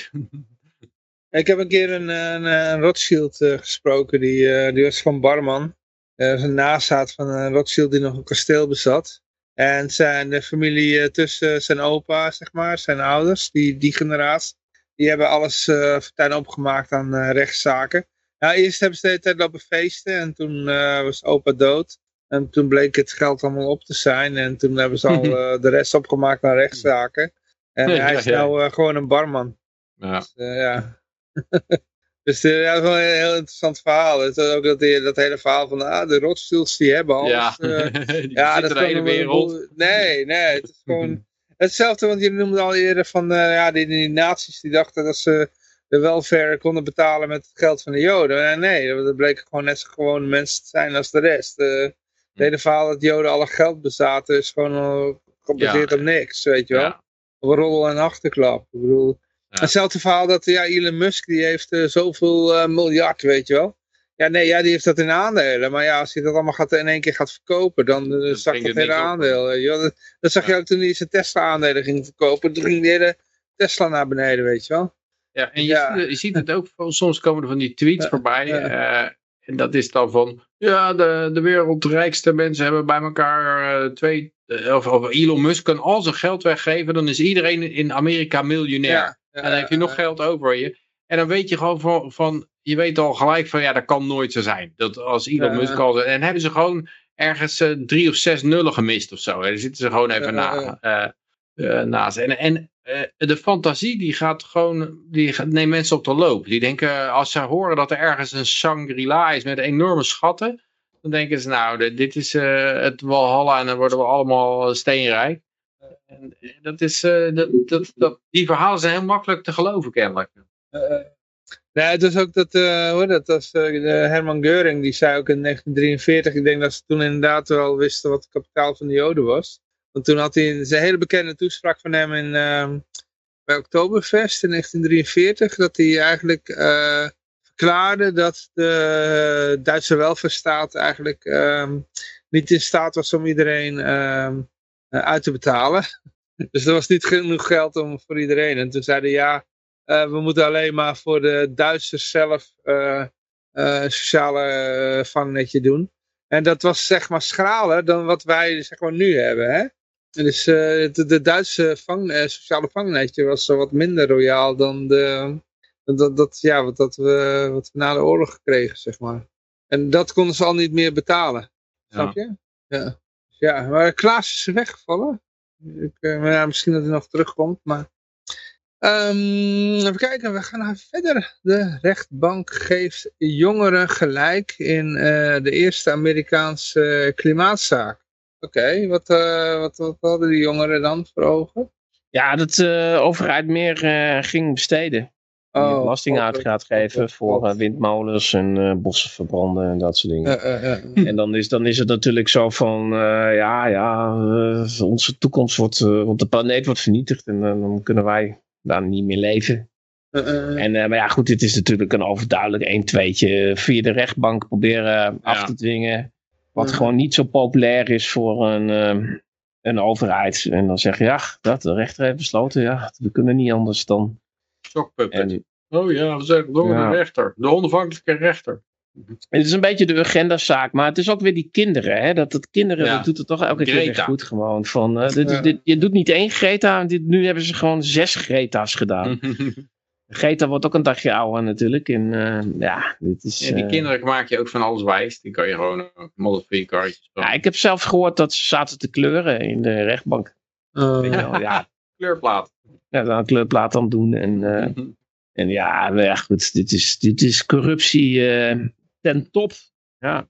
Ja, er zijn natuurlijk een heleboel van dit soort clubjes. Ook um, Moms Against Guns of zoiets. Dat, uh, altijd als het iets, als het te goed klinkt om waar te zijn, dan is het zo'n zo'n zo'n sockpuppet clubje. Die komen dan opeens ergens, komen ze voor in, ja, in opstand of in de weet tegelijk te hebben. Dure lawyers hebben allemaal uh, borden die helemaal gedrukt zijn. Niet handgeschreven borden of zo, maar allemaal van die nette, nette borden die, ja, die ze gegeven zijn. Die, die geregeld zijn. Goed georganiseerd. Ja, ik vind dit ook typisch iets voor een democratische rechtsstaat. Weet je, kijk, uh, die communisten die, die zetten gewoon een kruis op de deur en dan, uh, en dan rammen ze daar een fabriek neer of wat ze ook maar doen. En, en, en hier moet het dan toch vanuit het volk en die gaat naar de rechter. En die rechter is onafhankelijk. En die kijkt er een keer heel goed naar. En weet je, zo. En, uh, en, maar eigenlijk heeft het dan, eigenlijk is het nog erger dan een, dan een dictatuur. Want een dictatuur denk je, nou, als, als die uh, dictatuur weg is, die Hitler, nou, dan uh, zijn we er vanaf. Maar dit is dus echt van, uh, ja, het komt vanuit het volk. Nou, dat is natuurlijk, dit is natuurlijk wel een gesubsidieerd verhaal. Natuurlijk. Het komt vanuit de staat, maar ja. En, en, en de, nou, de rechters, nou, de rechters zijn, uh, staan ook aan die kant. Dus het is, je voelt je ook hopeloos eigenlijk hierdoor. Hè? Ja, je kan je ook alles weten, tegen je. Je kan ook weten dat het gesubsidieerd is uit het feit dat ze zeggen stop subsidizing oil. En je weet gewoon dat, dat een liter benzine, die kost 2 euro en, en 25, 50 cent of zo is echte benzine en de rest is belasting. En dan zeggen ze stop, stop subsidizing oil. Dan weet je gewoon dat ze gesubsidieerd worden. Dat is allemaal projectie is dat. Je beschuldigt je, je andere kant van wat jij, wat jij dan doet. Ja, maar het is dus gewoon, het is gewoon helemaal gekaapt. Ik weet je, het is, het is een beetje wat Johan zei van die rechtsstaat is het eerste waar we vanaf moeten, weet je wel. En, en dat is, ik denk dat dit soort dingen pleiten echt wel ook voor uh, anarcho-kapitalisme. Dat je, ja, dat je ziet gewoon, de, er is geen trias politica die jou helpt, weet je wel. Er is geen... Uh, nee. Je moet altijd weer lachen als er dan een groep staan, Pietje Puk daagt overheid voor de rechter of zo. Dan denk je altijd weer, oh, de ogen draaien weg van, jongens, heb je nog steeds niet door dat dat, datzelfde, dat hetzelfde clubje is. Ja, uh, maar ik heb hier nog eentje. Uh, de klimaatverandering, uh, jongens, ik ga, ga je echt vrolijk maken. De klimaatverandering verandert baby's in de baarmoeder. Ze worden, worden vatbaarder voor hartziekten. Ja. ja ik, vond deze wel, ik vond deze wel mooi, omdat, omdat je dan je wordt een aantal dingen worden dan gecombineerd. De klimaatverandering, baby's, hartziektes. Het is gewoon, je gooit alles bij elkaar. hè. Ja, Dus eh, nou, als er nou eh, baby's eh, hart, hartaanval krijgen, dan weet je waar het voor komt. Hè? Klimaatverandering. ja. Inderdaad, ja, goed, er komt niet dat, dat de ouders drugs gebruikten tijdens de seks of wat dan ook. nee, nee, nee. nee. Nee, ah, oké, nee, kan wel klimaatverandering. Ja. Hm. Nee, logisch, ja. De volgende. Even kijken hoor. Ehm hoppakee, ja, daar gaan we heel snel doorheen. Nu.nl. Gebarentaal krijgt nieuwe gebaren om klimaatdiscussies toegankelijker te maken. En- en- ik vond het mooier, vond ik hier aan, dat op nu.nl is het verboden om klimaat ter discussie te stellen. hè. Dus, dus eh, ik was ook zoiets van, hé, hey, dan krijg je nieuwe gebaren erbij om klimaatdiscussies toegankelijker te maken. Maar je mag niet discussiëren van nu.nl, want de science is settled. Dus eh, hoe werkt dat nou? Ja, ik dacht je zelfs mensen moest, a- of was dat bij Metro Nieuws, dat je mensen moest rapporteren als ze iets zeiden over. Nu, nu.nl. Dat is wel nu.nl. Ja, ja, Dus als, als iemand zei van, eh, nou ik geloof niet dat, dat, de, tekst. dat de, de mens de, voor de opwarming aarde, dus tekst. dat, dat, dat was een brug te ver. Dan moest je daar vanaf worden geflikkerd, maar als je zoiets zag, dan moest je ook rapporteren. Dus Eh, dan, eh, eh, Nou, ook even de, de nieuwe gebaren voor de kijkers van eh Twix in ieder geval. Dit is, dit is klimaat. klimaat. eh, eh, Dit is klever. Ik weet niet, of klim, klimaatklever. Ik weet niet wat een kle- klimaatklever is. En stikstof. Heel makkelijk eigenlijk gewoon. Stikstof. ja, ja. Stikstof. Ja. Nou ja, als, als ik, als ik, is...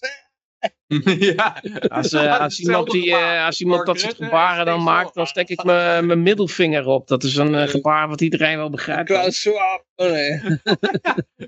Maar heeft meerdere betekenissen. Libertarische Partij, West Coast. nee. Ja. Ja, volgende. Volgende, even kijken hoor. Eh hoppakee. eh, Poging om te tanken van eigen ja. zonnepanelen mislukt. Boete van 260 euro voor hengelower. Dus niet hengelower met een E dubbele puntjes wordt geschreven. Maar, dat is, eh, sneller internet bij mij. maar die hengelower die dacht dus, ah, ik heb zonnepanelen, daar komt stroom vanaf. En ik heb een auto, een elektrische auto, en die staat voor de stoep. Wat doe ik? Ik leg een kabeltje neer van mijn huis onder die stoep door en dan zo naar mijn auto toe. Ah, ah, ah, ah. Je mag niet zomaar een elektriciteitskabel onder de stoep van de overheid doortrekken. Hup, boete van 260 euro. Maar over de stoep mag wel of zo? Nou, dit is het, eh, alles wat onder de grond zit is ieder, ja, over de stoep mag helemaal niet, denk ik. Dat was het dan misschien wel Ja, maar dat zie ik- 2600 dat- euro geweest. Dat, dat zie ik heel vaak. Ik bedoel, als ik eh, naar mijn werk toe rij, eh, s ochtends vroeg, dan... dat er een eh, verlengsnoer overheen Ja, zie je heel veel eh, mensen die dan eh, vanuit een raampje zie je zo'n snoertje naar de auto. eh. Oké, dus eh, ja. Maar misschien mag het alleen niet onder de stoep inderdaad. eh. Eh, Het was wel maf dat... eh, ik kende iemand die stuurde mij die link op van onkruidtrekker. En die moest daar ook om lachen van... eh, wat, eh, wat belachelijk is dit voor de rechter onkruidtrekker. Toen stuurde ik hem van... eh, nou, ik heb hier ook een belachelijk bericht. Eh, iemand beboet omdat hij zijn eigen auto met zijn eigen zonnepanelen wil opladen. Eh, ik was de reactie van... Nou ja, maar dat vind ik wel, wel begrijpelijk. Want als iedereen zomaar met elektriciteit gaat klooien... Dan, dan wordt het wel een zootje. Ja, dat, ik, ik moet daar dan altijd weer, weer om lachen. Als je kijkt over zootje. En, want, want het gaat er altijd vanuit dat de onderdaan dom is en een sukkel en niks kan. En dat de overheid heel veel verstand heeft van, eh, van dit soort zaken. En dan Als je denk nou van, gewoon eh, zelf overheid en elektriciteit. Dan denk ik van, Ja. wacht even, het hele elektriciteitsnet kan je niet meer aansluiting op vinden, omdat het vol zit. eh. Hm. Ja, maar als je zelf elektriciteit gaat ontdekken, dan uh, ja, dat is natuurlijk niet de bedoeling. Je moet, Nee. zij moeten wel verdienen. Ja. Kijk, je hebt wel bijvoorbeeld zonnepanelen op je dak. Maar dat, die zonnepanelen, die, ja, dat die elektriciteit gaat naar uh, het elektriciteitsbedrijf. En dan krijg Ja, jij een korting. En daar moet je voor betalen tegenwoordig. Hè? Maar je, Ja, je, je ja, moet, ja, je moet niet, je- als jij gewoon, als iemand gewoon zijn, zomaar zijn eigen dak gebruikt om elektriciteit op te wekken. En dat gewoon, dat gewoon gebruikt zonder dat er iemand wat aan verdient. Behalve, Ja, dat kan eh, zomaar dat kan toch niet? Nee. Ja, maar als de, hoe dat, de elektriciteitsboer zeg maar te veel stroom ontvangt van al zijn eh, klanten, omdat die allemaal een zonnepaneel hebben, dan moeten die eh, geld betalen aan, die, eh, aan het bedrijf. Hè? Ja. Jij belast het, eh, de- het netwerk, omdat je, je levert te veel stroom. Maar dat is de, ook zie je weer in zonnepanelen op het dak, huis geïsoleerd, een hybride warmtepomp aangeschaft en een elektrische auto voor de deur. Bewoner Maarten Kippers van de Steinstraat heeft zijn zaakjes qua duurzaamheid goed voor elkaar. Dus dat is dan, dat is dan ook zo'n slaaf die denkt dat de overheid ook echt om dat soort dingen geeft. En die gaat dat ook allemaal netjes opvolgen en zo. En dan staat hij heel verbaasd te kijken dat hij een boete krijgt. eh. Maar ik, ik wist niet dat het een hengeloer, dat het zo heette, weet je. Ik dacht dan misschien een, he- een hengelaar. Ja, het had, had een hengelaar kunnen zijn, ja, maar het is een eh, hengeloer. Eh, En dan heb je ook nog, is het een hengelooster? Bijvoorbeeld. Dat wordt nog eh, ingewikkelder. Hengelooster. eh, wat als die geslachtsneutraal is? Nou wordt het een in, een transitie. Volgende bericht. We gaan er even doorheen. Eigenaar van elektrische auto's moeten boeten in Texas omdat ze geen brandstof tanken. Nou, die had Johan gepost geloof ik. Eh, Heb ik die gepost? Ja. De Amerikaanse staat Texas Oh. loopt veel brandstofaccijnzen mis. Doordat steeds meer mensen elektrische auto's kopen. Vanaf 1 september wordt daarom aangeslagen voor 200 dollar per jaar. Dus dan word je gewoon aangeslagen alsnog. omdat je eh, te weinig belasting betaalt voor een elektrische auto. Ja. Ja, dat zit er hier ook aan te komen geloof ik. Ik geloof dat die belasting voor elektrische auto's hoger wordt straks dan voor benzineauto's. Omdat ze zo zwaar zijn en de wegen, wegen extra belasten. Belasten, het zegt het al, Eh, zoals al, wegenbelasting. Je eh, belast de wegen met een zware auto. Dat was al voorspeld, hè, toen al die subsidies er kwamen. De- ja. de- dat is de nieuwe melkkoe. Ja, dat is, Ja. was al zo. Als iedereen om is, hè, wacht even. Hè, tot je flink Ja, geld ja, ja, geïnvesteerd ja, hebt erin. En dan, eh, is net zoals mijn, mijn, eh, mijn prachtige diesel eh, die ik belastingvrij en zonder BPM kocht. eh.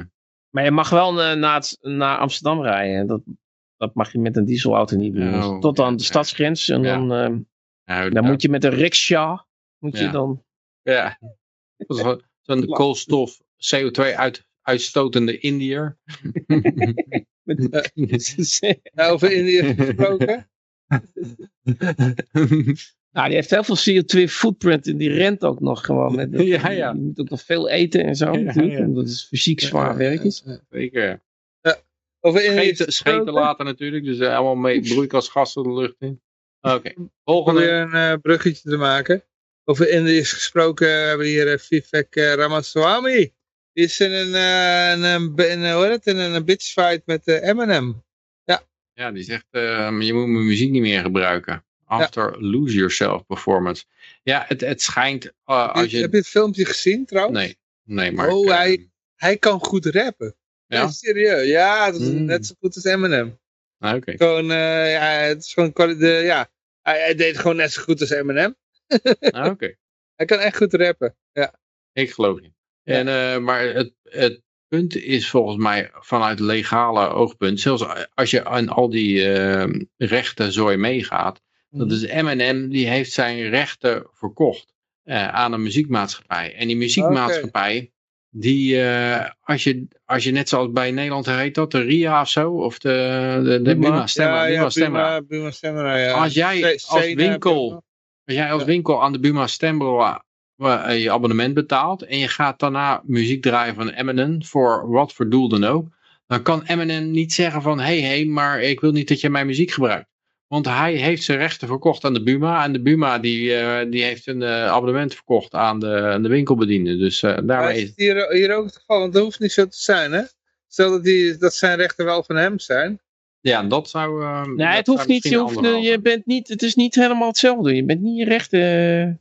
In Amerika is dit wel zo. Dat heb ik van Adam Curry gehoord. Die zat behoorlijk in die muziekwereld. eh. Ah, kijk, een Oh, kroeg, mag, een, kroeg ma- een kroeg moet iets afdragen. En, en die, Ja. als die muziek draait, en, en dan, ja, dan kan die muziek in die kroeg worden gedraaid. Maar als er bijvoorbeeld een eh, muziek wordt gebruikt, bijvoorbeeld voor een commercial. Ja. Ik denk dat daar nog een aparte toestemming voor is, bijvoorbeeld. Maar heeft Eminem hier eh, daadwerkelijk zelf een hoogeigen persoon gezegd van... eh, ik wil dat je mijn muziek gebruikt? Ja, dat zou kunnen. Dat het zijn, zijn, eh, zijn Ja. manager. Watermaatschappij is zelf. Ja. Want, Ja. ja. Want hij is een republikein, die, eh, die Ja. gast. En, en dat, dat is het probleem dan. Ja, en Eminem die was, ja, die was altijd de anti En hij anti zegt niet van die- en, eh, Hij zegt niet van die hele domme dingen, ook die Ramaswamy. Dus dan, eh, Ja, dan ben je natuurlijk...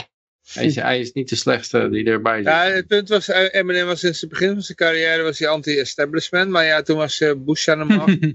en toen, Net zoals de Rolling Stone magazine, zeg maar. Ja, precies. begon Toen als was hij, rebel, eh, dus ze eindigen als een soort Ja, ja, precies. laarzenlikkers. doen ze rebels en anti-oorlog. Hm. Dan heb je dus een kandidaat die is anti-oorlog. En dan, eh, nee, Oh, oh. je mag mijn muziek, mijn muziek niet gebruiken. Dus ja, ik weet niet. Ik, ik, ik- ja, goed, ja, komt van Eminem zelf. In ieder geval, uh, Ramaswamy had gereageerd van... eh, Don't be such a crybaby. Dat had hij op Twitter gezegd. En eh, nou ja, goed, ja. Maar als je rechts bent, dan mag je niet anti-oorlog zijn, hè? want anders ben je een holocaust-kenner. Nee.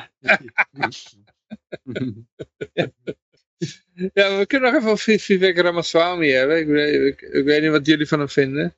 Ik Ja, ga het niet lang meer maken, jongens. Kijk, Ja. wat zijn er voor berichten? We zijn bijna aan het eind. RFK. Nou, bizarre aanval op eh, Kennedy Jr. Oké, maar hadden jullie nog een mening over... eh? Nee, ik ken hem niet. ik Nou, ga ja, ik heb het eh, een beetje van het debat wat highlights gehoord. Ik heb niet het hele debat gekeken, maar ja, eh, ja, hij, het gaat er wel... conservative, geen libertariër. Hij was wel... ehm, Hij zegt ja. goede dingen, maar... hij, hij liet wat karakter zien. Dat maakt gewoon ontzettend veel uit. hè. Ik hoorde één belangrijk ding van de Santis vergeleken met eh Ramaswamy. Dat er werd gevraagd van eh, wie is er eh, tegen eh, meer geld voor die oorlog sturen. En Ramaswamy gooide gelijk zijn hand omhoog. En Jeroen de Santis die keek eerst om zich heen of het wel toegestemd was. En toen deed hij ook aarzelend zijn hand omhoog. En dat is een ontzettende beta-move. eh, wat, je, ja, wat je gewoon niet vergeven wordt. maar ik denk wel overigens, ondanks dat hij wat leuke, ja, geen slechte ideeën heeft, denk ik dat Ramaswamy is een zakenman geloof ik, net zoals eh, als. Trump. En die zakenmannen die denken dat, dat zij de soort CEO van Amerika worden. En dat zij dan, eh, de, als, zij, als eh, ze president worden, dat ze dan de macht hebben en kunnen besluiten dat het land de andere kant op gaat. En Ja. dat is gewoon helemaal niet zo jij kan wel aan het hoofd komen te staan, maar je bent gewoon een, een hoedornament op, de, op een vrachtwagen die toch wel doordendert. En dat, zag, dat kon je duidelijk zien met Trump al, dat je, dat je daar gewoon geen invloed op hebt op die hele machinerie. En dat je daar, dat, je- er niet doorheen breekt. En, dat- en dat ze dat openlijk toegaven ook, die generaals, dat ze logen tegen Trump. Dus dat gaan ze helemaal eh, ook doen bij die Ram, Ram- eh, Ramaswamy. Hij, hij zegt zelf wel dat hij al die eh, FBI en noem maar op allemaal af wil schaffen. En, eh, ja, ja, ja, eh, dan, dat- wil hij een eh, nieuwe, nieuwe organisatie eh, gaan, eh, mm. Gaan opzetten. Met dezelfde maar- mensen. Ja, waar Ongetwijfeld Ja. dezelfde mensen inkomen. Dus er komt daar geen zak mee. Wat denk, eh, je, wat denk je dat er dan gebeurt, weet je wel? Het Ja. gaat pas ophouden als het failliet gaat. Dus dat, daar, het is gewoon wachten tot, het, tot ze geen geld meer hebben. Zoals een soort Argentinië. Dat ze, dat ze geen geld meer kunnen drukken. Geen geld meer kunnen lenen. En eh, ja, dat, eh, daar is het ja, goed, ik, ik gun hem de kans. Ja, veel succes. ja, in ieder geval beter dan Biden. Alles is beter dan Biden. Dus ja. De volgende twee berichten kunnen ook heel snel. Ja. Bizar, nieuw, snel, het, eh, Peter. bizarre new attack on RFK Jr. He promotes the ugly message that being autistic is bad. Dus eh, nou, nou is het Ja. dus zo dat hij zegt dat hey, die vaccins hoor je, daar krijg je autisme van. En eh, dan zeggen mensen van, hey, dat is eh, discriminator tegenover autisme. En dat is helemaal niks mis met autisme en zo. Het wordt helemaal genormaliseerd. Omdat ze ook verwachten dat over een jaar of tien of zo, dat, eh, dat de helft, helft van de mensen autistisch is. En, en, en wat ik altijd interessant vind bij dit soort dingen is, is het alleen maar in Amerika of is het ook in Europa? Want bijvoorbeeld die aliens, die zie je heel erg in Amerika nou gepromoot worden met, eh, met allemaal getuigenissen van eh, respectabele mensen uit het security establishment die zeggen, eh, ja ik heb echt aliens gezien, maar dat zie je helemaal niet in Nederland. De Nederlandse media zie je er niks van terug. Maar dit zie je dus ook in de Nederlandse media terug. Want dat is het volgende bericht. Eh, RTL Nieuws. Nu weet ik dat er niets mis is met me. Isabel 33 is blij met diagnose autisme. Dus wat je gaat doen als mensen, als er gewoon een golf van autisme is, dan ga je het gewoon, eh, je gaat het gewoon normaal verklaren. Dat is gewoon, dat is helemaal geen ziekte. Dat, eh, Nee, dat maar- is gewoon maar- een andere gender. Ja, maar de framing, dat is gewoon natuurlijk heel bizar. Als ik bijvoorbeeld zou zeggen van, eh, je moet geen wc's ontstopper in je ogen doen, want dan word je blind. En dat Mhm. iemand anders zegt van, heb jij iets tegen blinden dan? Zijn dat Ja. dan minderwaardige mensen ja. volgens jou? En, weet je, en dan dat is natuurlijk gewoon voorkomen belachelijk. En ik, ik, vind dit een beetje in hetzelfde sfeertje als van eh, Bolsonaro heeft gezegd dat je eh, in een krokodil verandert als je een prikje Nee, neemt. nee, of, maar- eh, Ja, natuurlijk. Maar dit- die- die maar, maar, dit grote- is, maar, die maar die grote framing is wel. Dit is wel de manier waarop ze daarmee het hele verhaal monddood maken. Want nou durf je niet meer te zeggen van hey, dit en dit veroorzaakt autisme. Want dan is het van, hey, heb je wat tegen autisme dan? Heb jij soms, eh, ben je soms, eh, ja, ben je soms een, eh, een bigot? Ja, meneer, de diagnose autisme was ook al helemaal bedoeld om eh, medicijnen te verkopen. Dat weet ik van. En, eh, Hm. eh, Ik ken iemand in mijn eh, familie en kenniskring die eh, psychiater is. Die bij die conferenties was. En ja, die zei ook al van... Het is gewoon alleen Zo, maar maar wat, zijn er dan medicijnen tegen autisme? Nee, Ja. nee, maar je kan als je Ja. autisme krijgt, krijg krijg je van die pilletjes. Kun je pilletjes krijgen. Er zijn Ja, geen middelen tegen, maar je kunt wel pilletjes krijgen. Ja, eh, kijk, wat, eh, wat, wat, krijgen, dan? wat? Dan heb je nog steeds krijgen, autisme, je- maar dan- Ja, dan heb je autisme en dan kan je, krijg je ja, een pilletje en dan uh, had ik een idee. Ja, misschien Eh, is dat- het iets zoals een Ritalin of zo. Dat eh, Ritalin stuff. Ja, maar dat is eh, voor eh, ADHD. AD, ja, dat valt ook Ja, maar daar word je al een beetje suf van. En, en misschien... Ja, ja, ja, ja, je wordt suf van. Ja, maar het valt onder autistisch En als je eenmaal suf bent, dan val je niet meer te onderscheiden van andere mensen die suf Ja. zijn. Dus dan ben je Ja. genezen in feite, toch? Ja. Zo, moet je dat zien, denk ik. Alles om je aan. ja, Mark zit te kijken van... hm, Nou, kijk, weet je, die, die, die Ritalin, die Ritalin, die doet wel iets met, met je als je inderdaad... Er er zit, kijk, iemand die geen ADHD heeft en die slikt die Ritalin, die wordt er knijter opgefokt van en die, die, wordt- die, die, wordt daar, die wordt daar niet goed van. En eh, Ja, als jij daadwerkelijk ADHD hebt, dan word je er rustig van inderdaad. En dan, dan, word je inderdaad, ja, je wordt er ook andersom. Kun je je, beter eh, concentreren. kun je beter concentreren. En ik Ja. ken bijvoorbeeld wel eh ADHD'ers, die, die, eh, die hebben er gewoon geen zin in. Want je krijgt toch, je, het breekt af, na, die breekt af na een uurtje of vier, breekt het af.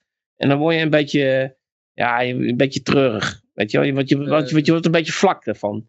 Maar wat ze wel doen, als ze bijvoorbeeld een examen hebben, of ze hebben een rijexamen of een dingetje, dan pakken ze dat wel. En, en voor hun helpt het wel. Dus ik geloof wel dat, dat met, ik heb ook eens bijvoorbeeld met een ADHD'er gesproken en die, die had een keer cocaïne genomen. Dat is ook een, een eh, amfetamine, net als, als, als Ritalin. En die zei, ja, ja, ik word er heel rustig van. Je wel? Maar dat, dat, dat is, bij die mensen werkt dat dus kennelijk anders. Dus die mensen zitten dan toch ietsje anders in elkaar. Want ik bedoel, Ja, eh, ja. meest, eh, als je geen ADHD hebt en je gaat aan de cocaïne, word je er niet rustig van, denk ik. Nee, nee, nee. Je wel? Dus het is, niet, het is niet zo. Maar autisme, ik zou, wat, wat, wat voor pil kan je slikken? Want, want dat, dat is wel raar. ik, ken, Is ik- ken heel veel ADHD'ers die dan gewoon blowen. ja, oh, jawel, blauwe, ja. Maar eh, nee, die ken ik ook Maar wel. dat schijnt niet te helpen hoor. Dat schijnt niet te helpen. maar, Nou, voor het slapen gaan wat- is er dan voor eh, middel tegen autisme? Dat, dat ben ik inderdaad ook een beetje nieuwsgierig naar. Maar ja, ze hoeven natuurlijk Ja, geen middel te hebben dat werkt of zo. Dat is, dat is helemaal een oude gedachtegang. Even voor de, de mensen... Maar wat, hoe heet het? Noem eens een middel op wat tegen autisme. Want ik heb er nog nooit gehoord. Kleine ontbreking. Eh luisteraars, jullie kunnen allemaal eh, uitroepteken Ron Paul in de chat typen. eh, en eh, ga verder, jongens. Ga verder. Nou ja, ik, ik, dat, wel- ik, Ik, heb zoek er het even op. Eh, ik, ik denk dat het... eh bestaan er medicijnen voor autisme? Nou, dat Ja. gaan we eens even opzoeken of ze Ja, dat... eh, straks zitten we hier nepnieuws te verkondigen. En Twitch, die heeft ook volgens mij iets getekend, hè? Voor dat, eh, sinds 25 augustus Hey, tegen dat nepnieuws. hier staat, bestaan ja, er ja. medicijnen voor autisme? Eerste regel. Korte antwoord nee. Dus, Oh. ja, ja, ja, ja. Oh. Kan je alleen maar rustiger maken. Ja, maar die mensen, ja, nou, maar goed. En de volgende kopje is, moeten we een medicijn voor autisme wel willen? Vraagteken. Ja, dat autisme is zit ook heel meer in de- breed. dat hè, dat dus, zit eh, meer in de regio van die andere artikelen. Van. Autisme is ook heel breed, hè? dus je kan, eh, dan is de vraag welke vorm van autisme heb je, weet je wel. Mhm. En die kan heel erg van elkaar verschillen. En eh, ja, ik, ik, ik, ik zou het eigenlijk, eigenlijk zaterdag aan mijn zus moeten vragen. Die komt dan langs, die weet er heel veel vanaf. Dus die zit in dat eh, wereldje. Dus draai denk maar dat- aan Ik dat denk dat er, ik denk dat er eh, binnenkort een vaccin komt. eh. Nee, maar dat is Ah. het punt. Dat autisme is een paraplu voor allerlei eh, dingetjes. Ja, Johan, Dus, je eh, bent weer helemaal ver- veel te ver heen dat je deze niet, eh, nee, niet oppikt. hè. Oké. Als ik zeg, Ja, ik denk dat er een vaccin komt voor, vaccin, voor, voor, voor autisme. Als ik nou zeg, er komt een vac- vaccin voor fascisme, wat ga je dan zeggen? Nee, nee, nee, fascisme is heel breed. En je moet gewoon minder wijn drinken, joh. Oké, oké, oké. Ja, goed. eh. ik ga zo aan de rad draaien. Ja. Hm. Sowieso is het ook geen wetenschap, hè. Het is natuurlijk een zachte wetenschap, toch? Eh, het is gewoon een meningenfabriek, toch? Eh, wat autisme? Nee, psychologie. Oh, Eh, Oké, jongens, eh, jullie hebben, eh, even kijken, 3, 2, 1 en dan is nu de laatste kans om nog iets in de chat te gooien. Oh god, oh god, het is weer een paar weken geleden dat ik dit deed. Oh ja, hier zit chat. Eh, dan moet ik even kijken hoor. Chat commando's. Oh ja, hier zitten ze. Oké jongens, het is eh 3, 2, 1 en nu ben je te laat om nog iets te doen. Hoppakee, ik ga aan het rad draaien. Hoppakee. Hartstikke idee. En het woord, eh, volgens mij wordt die gele hier hoor. En dat is, eh, oh een hele lange naam begint met een A. Oké, ik heb hem net niet gezien. Gefeliciteerd. Ja, ik, eh, ik, kijk hem even terug later bij de editing. En die, eh, die krijgt dan eh 20 egels. Je moet wel even in een whisper in eh, Twitch. Moet je een whisper naar me toe sturen met jouw walletadres. Eh, En die kan je krijgen op eh, efl.nl als je nog geen wallet hebt. En dan, eh, ja, oké, dan krijg je een eh 20 egels. Eh, moet ik weer even, ja, hier ook. Ja, idee, oké. Eh oh. Eh, Nou, laatste bericht. ja, laatste bericht. Nu al? Laatste bericht. Eh dat is eh, de FEMA. Ja, dat is ook zo'n eh conspiracy dingetje. Maar die bestaan echt. Maar ja, die Nee. moeten bij rampen moeten ze, zeg maar eh, kleding uitdelen en dat soort shit. Dat is het oorspronkelijke doel. Maar dat, eh, ja, tegenwoordig bouwen ze concentratiekampen, geloof ik. Eh, even kijken hoor, FEMA, wat, wat doen ze allemaal? Oh, die, die FEMA-camps. FEMA Dat- Ja, ja, ja, ja, ja. FEMA de kampenbouwers. Ja. Oorspronkelijk waren ze bedoeld om eh, slaapzakken en eh, waterflesjes uit te delen bij rampen. Eh Famous Money voor eh, Hawaii. Dat gaat dus nu naar Oekraïne toe. Ja.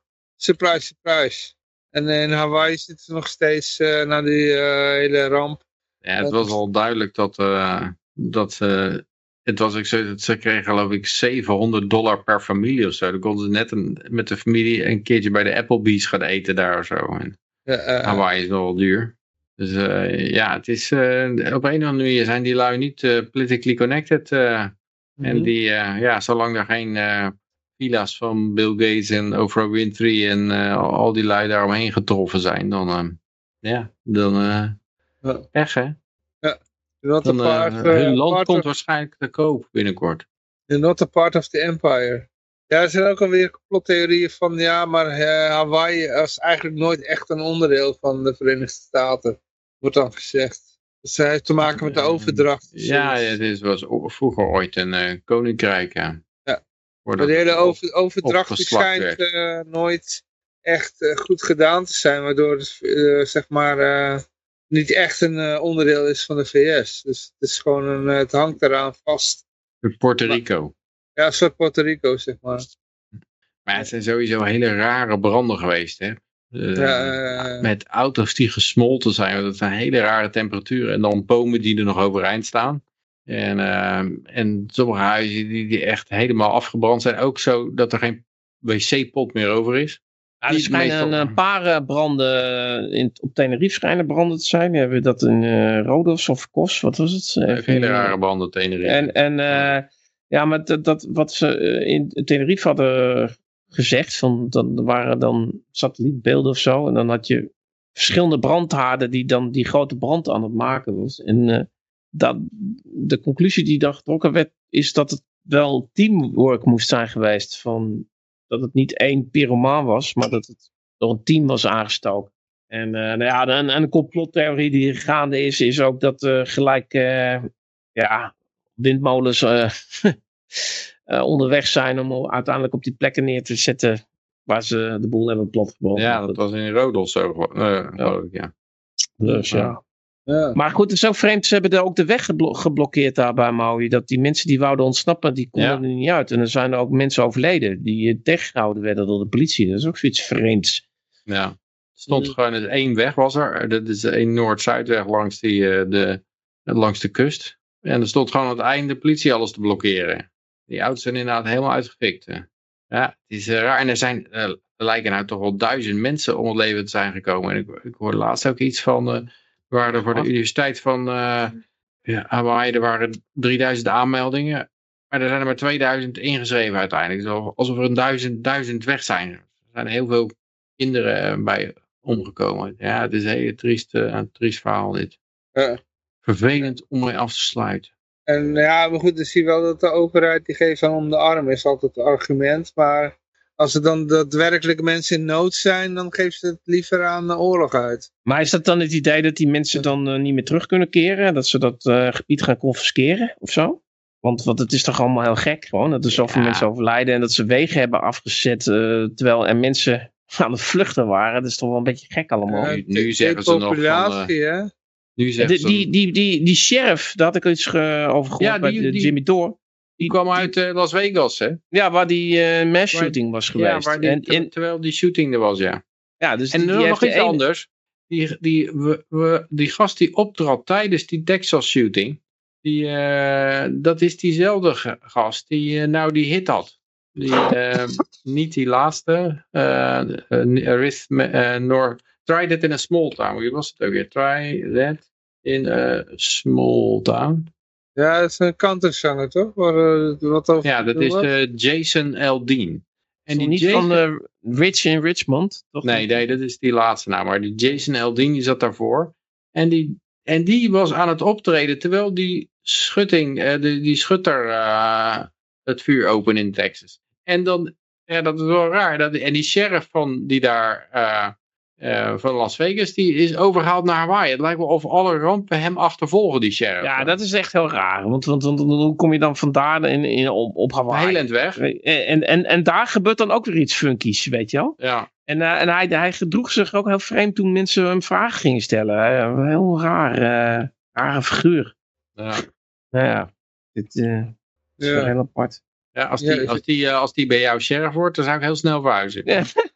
En die Biden die was weer in slaap geflikkerd bij die herdenking Ja. van die slachtoffers. Dat wil ik ze weer eens. Maar dat doet hij altijd, dat is gewoon een Ja, standaard. oké, hè. het is wel typisch. Die gasten eh, gewoon hartstikke Maar, maar wat ook eh. erg was, dat die dan, dan zijn er, zijn je duizend kinderen levend verbrand. En dan, dan, dan ga je daar zitten van, eh, ja, ik begrijp wel wat jullie voelen, want eh, mijn keuken heeft een keer een blikseminslag gehad. En eh, Wat hij waarschijnlijk heeft. hij, hij zit alles altijd op zichzelf te verhalen van, eh, nee, ik weet precies wat je bedoelt, want, en dan komt hij met zo'n shit verhaal. Je kan toch niet het, dit, soort dingen vergelijken met dat, jouw dat jouw Ja. keuken een keer een blikseminslag gehad heeft. Of dat, dat, je tof, dat je tosti zwart is geworden. Ja, In- in de- ik weet wat jullie voelen.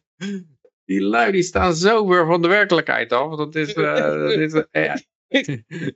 dat je dat uit je mond weet te krijgen. Hou dan je bek. Hè. Dat, Die had gehoopt voor hem dat hij dan op dat moment in slaap was gevallen, weet je wel. Zodat ja, dat ja niet val zou dan in slaap. Dat is nog, dan denk je, ah, die oude man die kan het niet eh, overeind houden. Maar eh, ja. Heb je die Mitch McConnell nog gezien? joh? ja, die is ook weer... eh, Cocaine Mitch. die, eh, die valt af en toe gewoon stil. Gewoon. Dan is die even, even van de planeet af. Ja, Ja. zo- ja, Ja, het is- ik, ik las ook dat, verbaasd als hij herverkozen wordt, Ik hoor. las ook ergens de gemiddelde leeftijd van, eh, van het congres of van de senaat of zo. En dan zag je, dan zag je dat een enorme bull market. Als je het als een grafiek ziet, ziet het gewoon eh, rechtstreeks omhoog gaan. Hè. Dus eigenlijk net zoals die Yeltsin en al die lui, eh. Die, eh, die oude, oude figuren. Het, het, het accelereert naar een soort bejaarde toestand toe. Die, die, Ja, volgens mij is de kies, kiesbasis ook gewoon hartstikke bejaard. Ja, we, we, we kiezen gewoon Mitch McConnell, want dat doen we altijd al, weet je wel. Dus ik ben even, nee, mijn voorvaderen deden dat ook al, weet je wel. Ja, goed, moesten we daar inderdaad op lachen. Dan, eh, dan had je van die beelden van de Sovjet-Unie. En dan stonden er hadden ze weer een trojka. Er waren drie van die hoogbejaarde mannen. Die, die stonden daar eh, met een tena lady stonden ze daar eh, een beetje te wuiven. En, eh, daar moesten we dan om lachen. Maar dan moet je naar kijken naar het, het- inderdaad die senaat daar. Het is, eh, het is ongelooflijk. Gewoon de, de, en eh, hoe heet dat wijf ook alweer? Die, die, die was toen eens een, eh, maand weg. En die wist niet dat ze een maand weg was geweest. Hoe heette die ook alweer? Wat, wat die Feinstein, Feinstein? Ja, volgens mij wel, ja. Dat zou kunnen, ja. Want ik, ik kan ook andere kunnen het zijn. Hm. Nee, volgens mij is die Feinstein. ja. Ja, eh, Ja. hey, jongens, ik ga hem weer ophouden. Ja, Mooi het is geweest. mooi geweest, jongens. Eh tot Ja. de volgende keer. Joe. Ja, eh, Hoi, hoi. zaterdag. eh, Hoi. Hoi hoi. Eh, Hoi, ja, goed, eh, ik eh, dank jullie alle, alle hartelijk voor het luisteren. Uiteraard zijn we volgende week weer. Ik zou zeggen toedeledokie. En moet ik even die knop weer vinden. Ik ben er weer even even vakantie geweest. Achter het wijnglas. Achter de wijnglas. Hier oh, hier zit hij. Hartstikke inderdaad. Oké. Oh, je Mark is, je Mark is ook al weg, geloof ik. Iedereen is vertrokken. Ik wilde we nog heel wat vragen, maar doe ik wel even in de chat. Ah.